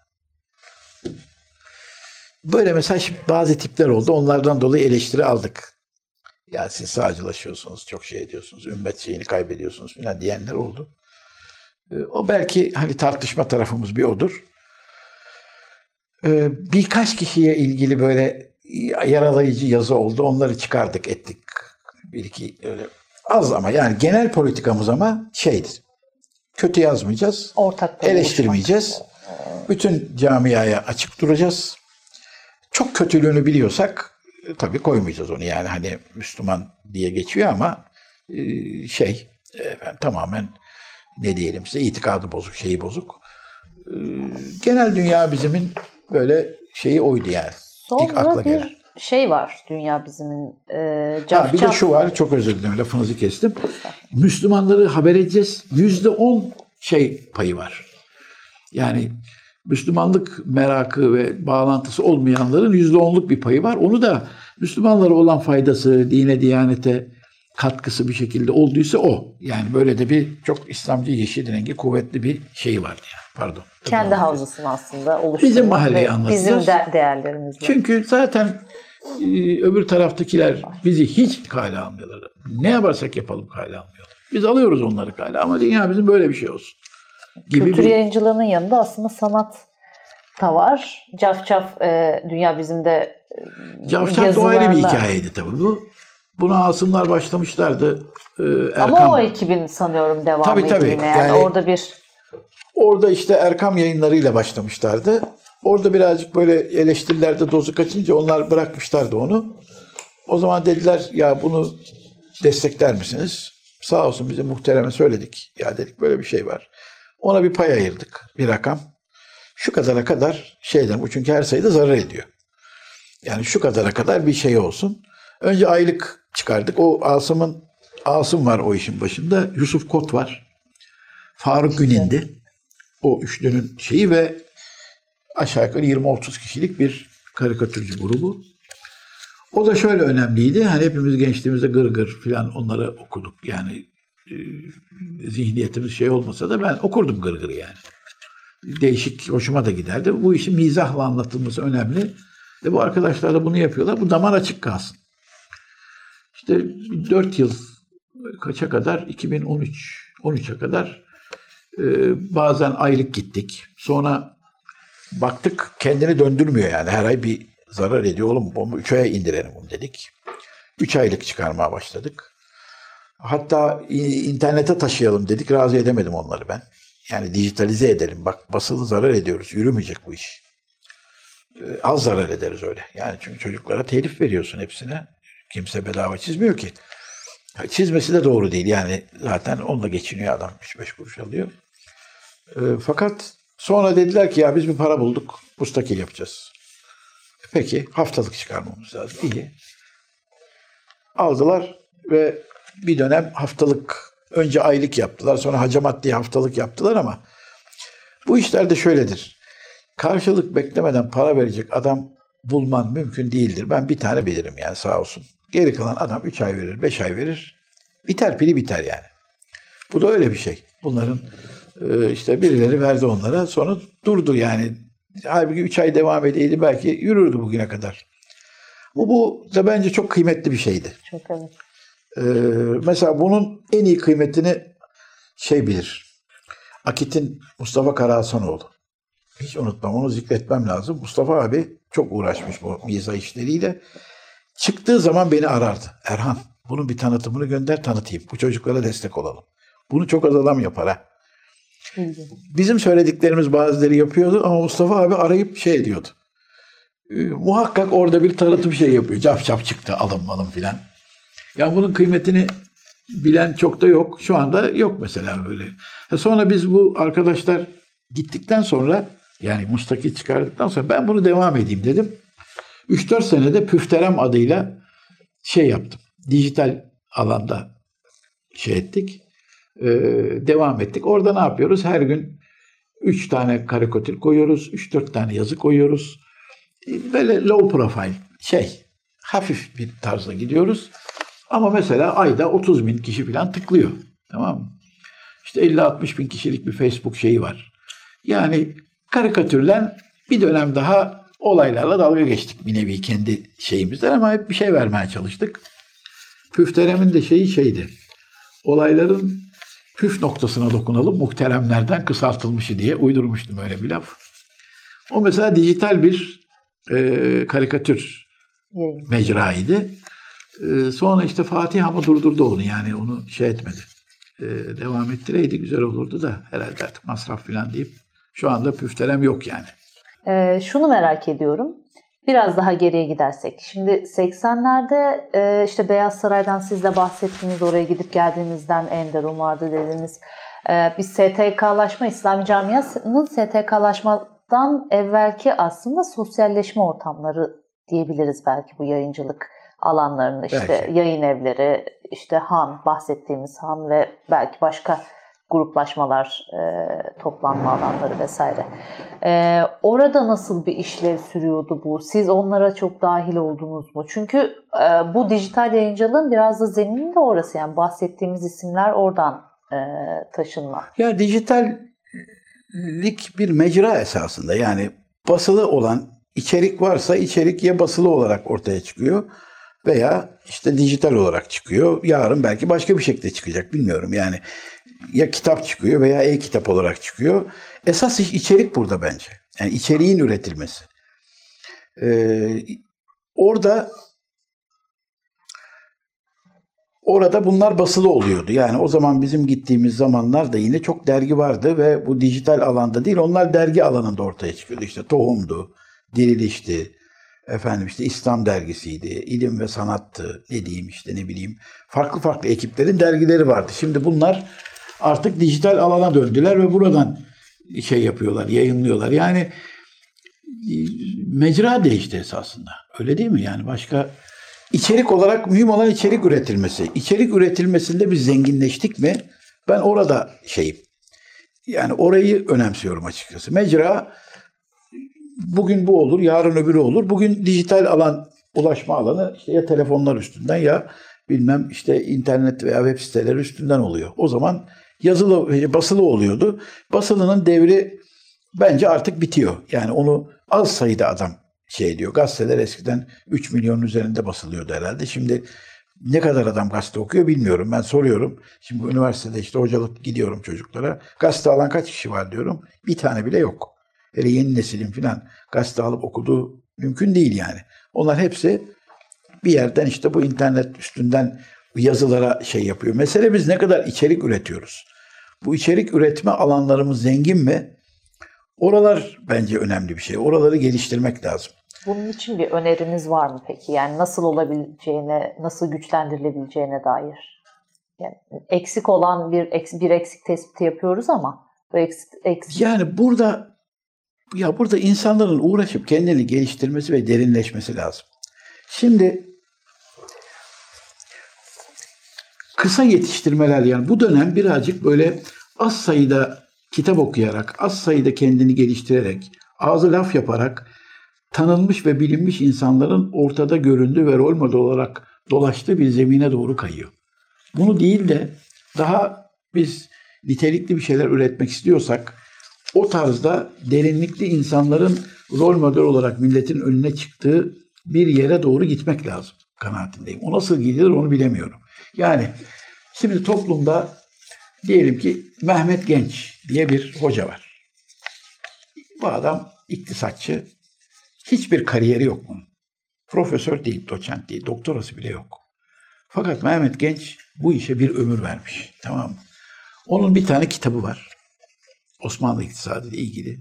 Görmüşsünüzdür. Başında da haç yolunda bir karınca diye bir bölüm var.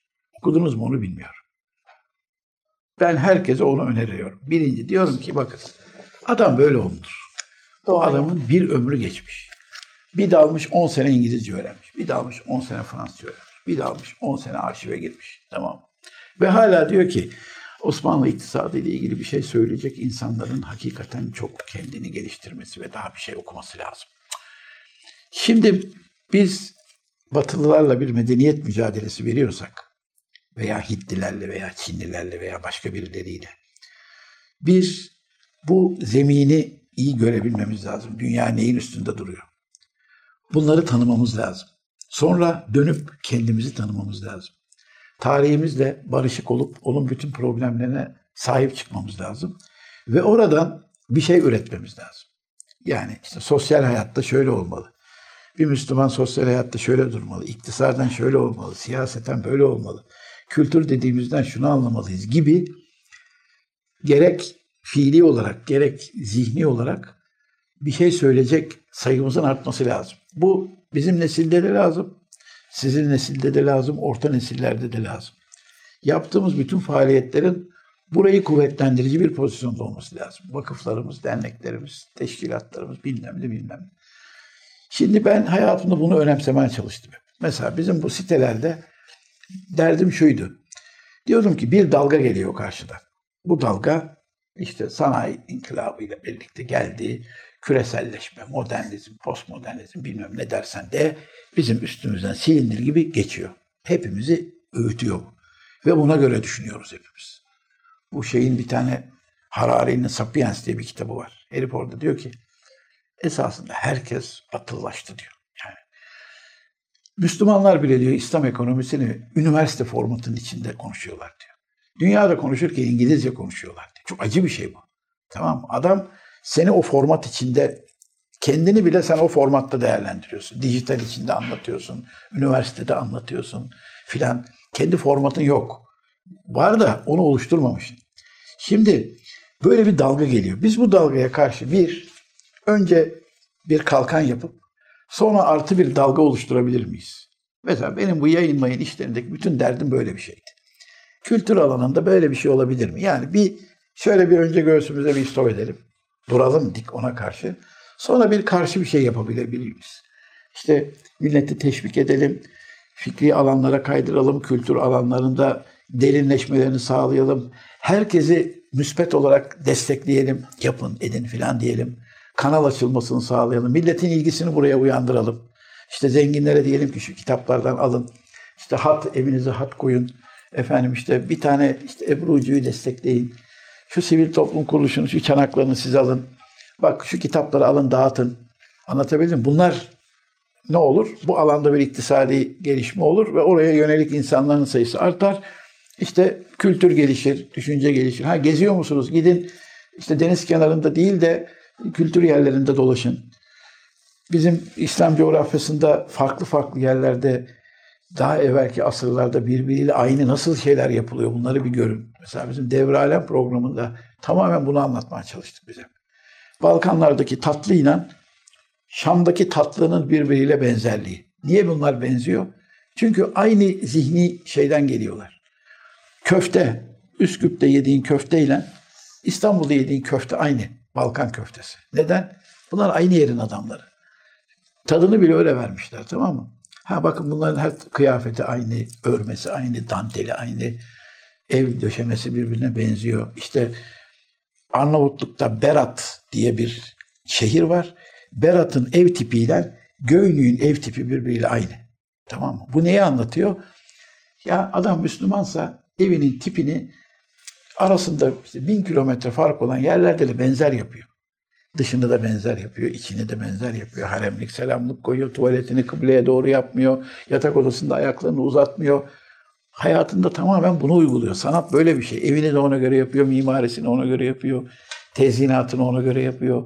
İşte ahşap kullanıyor, daha sıhhi olsun diye filan. Bunların hepsi medeniyet böyle oluşuyor. Nakış gibi işliyor bunu. Ha, ama bunun bundan 100 sene evvel, 300 sene evvel becermişler bizimkiler iyi kötü. Bugün biz bunu nasıl yapabiliriz? Bunu yapmak için kafa yormak lazım. Eskiyi bakmak lazım, dışarıya bakmak lazım, yurt dışına bakmak lazım. Sanat ve kültürden ben biraz bunu anlıyorum. Bunu hareketlendirici, ilgiyi arttırıcı yapacağımız bütün işlerde bunu yapmalıyız. Ve araçlar. Ha, araçlarda da araçlardan da bunları mesela dergi çıkarıyorsan benim derdim bu olmalı. Oradan iki tane Mehmet Genç'in beş versiyon altı bile adam çıkmıyorsa veya ne bileyim İhsan Fazlıoğlu gibi bir tane adam çıkaramıyorsa veya işte Kemal Sayar gibi bir tane adamın varsa her yerde onu konuşturuyorsa bir kıymeti yok yani. Bunlar çıkabiliyorsa bir kıymeti var. Yanlış mı düşünüyorum bilmiyorum. Saadettin Ökten, Saadettin Ökten Emre Hak Vaki olsa kaç tane Saadettin Öktem'i var? Yani ha dünya bizim gibi yerler olacak. Sen onları köpürteceksin, köpürteceksin, geliştireceksin, yazılarını düzelteceksin. 3-4 taneden sonra düzgün yazacak. Burs bulacaksın, yurt dışına göndereceksin, gelecek. Şurada yazı yazdırıp eline bir para vereceksin. Efendim bir kültür işinde ona bir mektep açacaksın. Filan orada talebeleri gelecek filan. Ha. Hayat böyle gelişir. Aslında bir havza olarak düşünüyorsunuz yani. Hani Bunları gelinen, bu devam faaliyetin eden de bir araçları bütünlüğü. olarak görürüm ben. Yani bu dergiler, yayınlar, gönüllü kuruluşlar filan böyle bir derdin ve arayışın bence unsurlarıdır. Kendi başına bir kıymeti yoktur hiçbirinin yani. Veya bence yok. Bir işe yarıyorsa bir kıymeti var. Biraz belki çok pragmatik düşünüyorum ama böyle görürüm ben. Peki nasıl nihayet erdi? Yani şu an Dünya Bülteni, Dünya Bizim bir şekilde devam ediyorlar ama sizle Ya devam işte ediyor bizim değiller. şöyle oldu. Yani bizim en büyük destekçimiz ben yokum dedi. O yokum dedikten sonra biz o maddi şeyi bulamadık. Yani geldik geldik geldik. Baktık devam edemiyoruz, edemeyeceğiz. O zaman kapatalım mı veya bir şey mi yapalım? İşte aradık. Fatih ben yaparım dedi. Beraber yapalım dedi. Ya o yani çok tarzımız tutar mı kestiremedim. Ee, Ya biz sana bırakalım dedim. Ben elimden geleni yapayım dedim ve verdik ona. Yani burada olay tamamen duygusal öyle diyelim yani. Ee, o şeyi bulaydık. Bunlar tabii kendi kendini döndüremiyor bu tür faaliyetler. Döndüren de pek kim var bilmiyorum yani. Pek döndüren yok. Buralar dışarıdan desteklerle oluyor. Ben onu aradım yani döndürme yolları bulabilir miyiz diye. İşte reklamla bilmem neyle filan. Olmadı yani. Onu onu sağlayamadık. Bir yere kadar yaptık işte böyle yani o desteği azalttıktan sonra e, işte Kuzey Haber Ajansı'ndan filan değerlendirerek çıkardık çıkardık. O da gidince TRT'deki işleri bitince onun TRT kesti onu. E, yani mecbur o da rahmetli oldu bizim açımızdan şeye verdik yani. Onlar devam ediyor. Biz genelde böyle geriye dönük sorular soruyoruz böyle durumlarda ama size ben böyle bir biraz daha ileriye dönük bir e, soru yöneltmek istiyorum. Dijital- Yöneltin bakalım ilerisine kadar varsa. Çünkü yani hani siz işin içinden gelmişsiniz ve dijital yayıncılık çok başka bir evrede artık. Yani hani Dünya Bülteni'nin ya da Dünya Bizim'in çıktığı dönemden de çok daha farklı bir yerde. Ee, devam ediyor ama aynı kalitede bir şey görebiliyor muyuz sorusu koca bir soru olarak e, karşımızda duruyor. Bu benim şahsi görüşüm. Siz burada bir e, eksiğin ne olduğunu yani hani o e, tabanın oluşturulması gerektiğini, o kalitenin oluşturulması gerektiğini ifade ettiniz ama yine dijital yayıncılık bazında nasıl bir eksik var? Bu camianın nasıl bir eksiği var ve ne yapılabilir tam olarak? Yani hala insan unsuru var. Mesela şu anda birçok yer kapandı. Evet. Bu insanlar nerelerde ne yapıyor kestiremiyorum. Bir yerlerde yazıyor, çiziyor filan ama yani bizim yaptığımız türde mer şeyinde bizimkinin merkezinde değer vardı esasında. Başka bir ya bir değer eksenli bir şey yapmaya çalıştık. Biz değer eksenli yapılan işlerin sayısının artıyor olması gerekir. Onlar için de bunlara e, yine verdiği parayla karşılığında değer bekleyen bir sermaye bulmak lazım. Şu anda o ben oranın eksik olduğunu görüyorum. Yani o orada bir problem var. Yani anlamlı ve şey sormayan ne diyeyim size. Yani parayı verip de onun e, başka bir şey söylemesini istemeyecek o para. Onun kendi mecrasında yürümesini isteyecek sermaye bulmak lazım. O önemli. O benim açımdan benim eksik gördüğüm orası. Yoksa yani buna uygun anlamlı bir yine finansal yapı falan bulunsa bizim yaptığımız türdekinin daha bugüne uygun versiyonları yapılabilir kanaatindeyim. Ee, belki bilmiyorum sorunuz öyle bir cevap verebilirim ama ama tabii bizim gibi adamlar şey oldu tabii biz yorulduk. Yani ben şimdi çok şey geçirdim. Bu işi bitirdiğim zaman limandan ilk izlenimler diye bir yazı yazmıştım. Gördünüz mü bilmiyorum. Görmediyseniz bir bakın isterseniz. Yani ben demiştim bir fırtınada e, şey yapan bir fırtınadan kurtulmuş bir geminin kaptanı gibiyim. Gemiyi yanaştırdım kıyıya, çıktım. Oradaki çay bahçesinde şimdi çay kahve içiyorum. Bir daha denize çıkar mıyım? Bu fırtınaya gözüm yer mi bilmiyorum falan diye böyle bir şey yazmıştım. Limandan ilk izlenimlerde. Ben şimdi limanda gemiyi batmadan iyi kötü limana bağlamış bir adam pozisyondayım. Ee, yani yapılabilir, yapılması lazım. insanlara bir içerik üretmek lazım. O içeriğin de insanlara sürekli sunulması lazım. O sunma işi de hiç bitmeyecek kıyamete kadar. Birilerinin onu yapması lazım. Bunu dinleyenler, izleyenler falan olursa heveslenip yapanlar iyi olur diye düşünüyorum. Ama hiç de kolay olmadığı tabii önemli. Parasını bulmak önemli, içeriğini bulmak önemli. Siyaset bir de Türkiye'de çok şey oldu. Ee, çok kuvvetli şu anda. Yani siyasi merkez çok kuvvetli. Siyasi merkezin bu tür işlere de etkileri çok fazla. Ona rağmen siyasi merkezlerle de kavga etmeden ama tamamen siyasi merkezin de yörüngesine girmeden çünkü siyasi merkez daha pratik, güncel ve hemen netice alabilecek çok derinlikli olmayan işler istiyor. Oraya kapıldığın zaman işlerin e,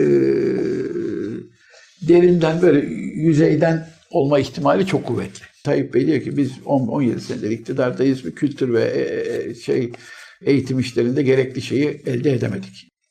Bunu sağla, bunu bu soruyu sormamız lazım. Niye derinleşemiyoruz? Niye buraların önü açılmıyor?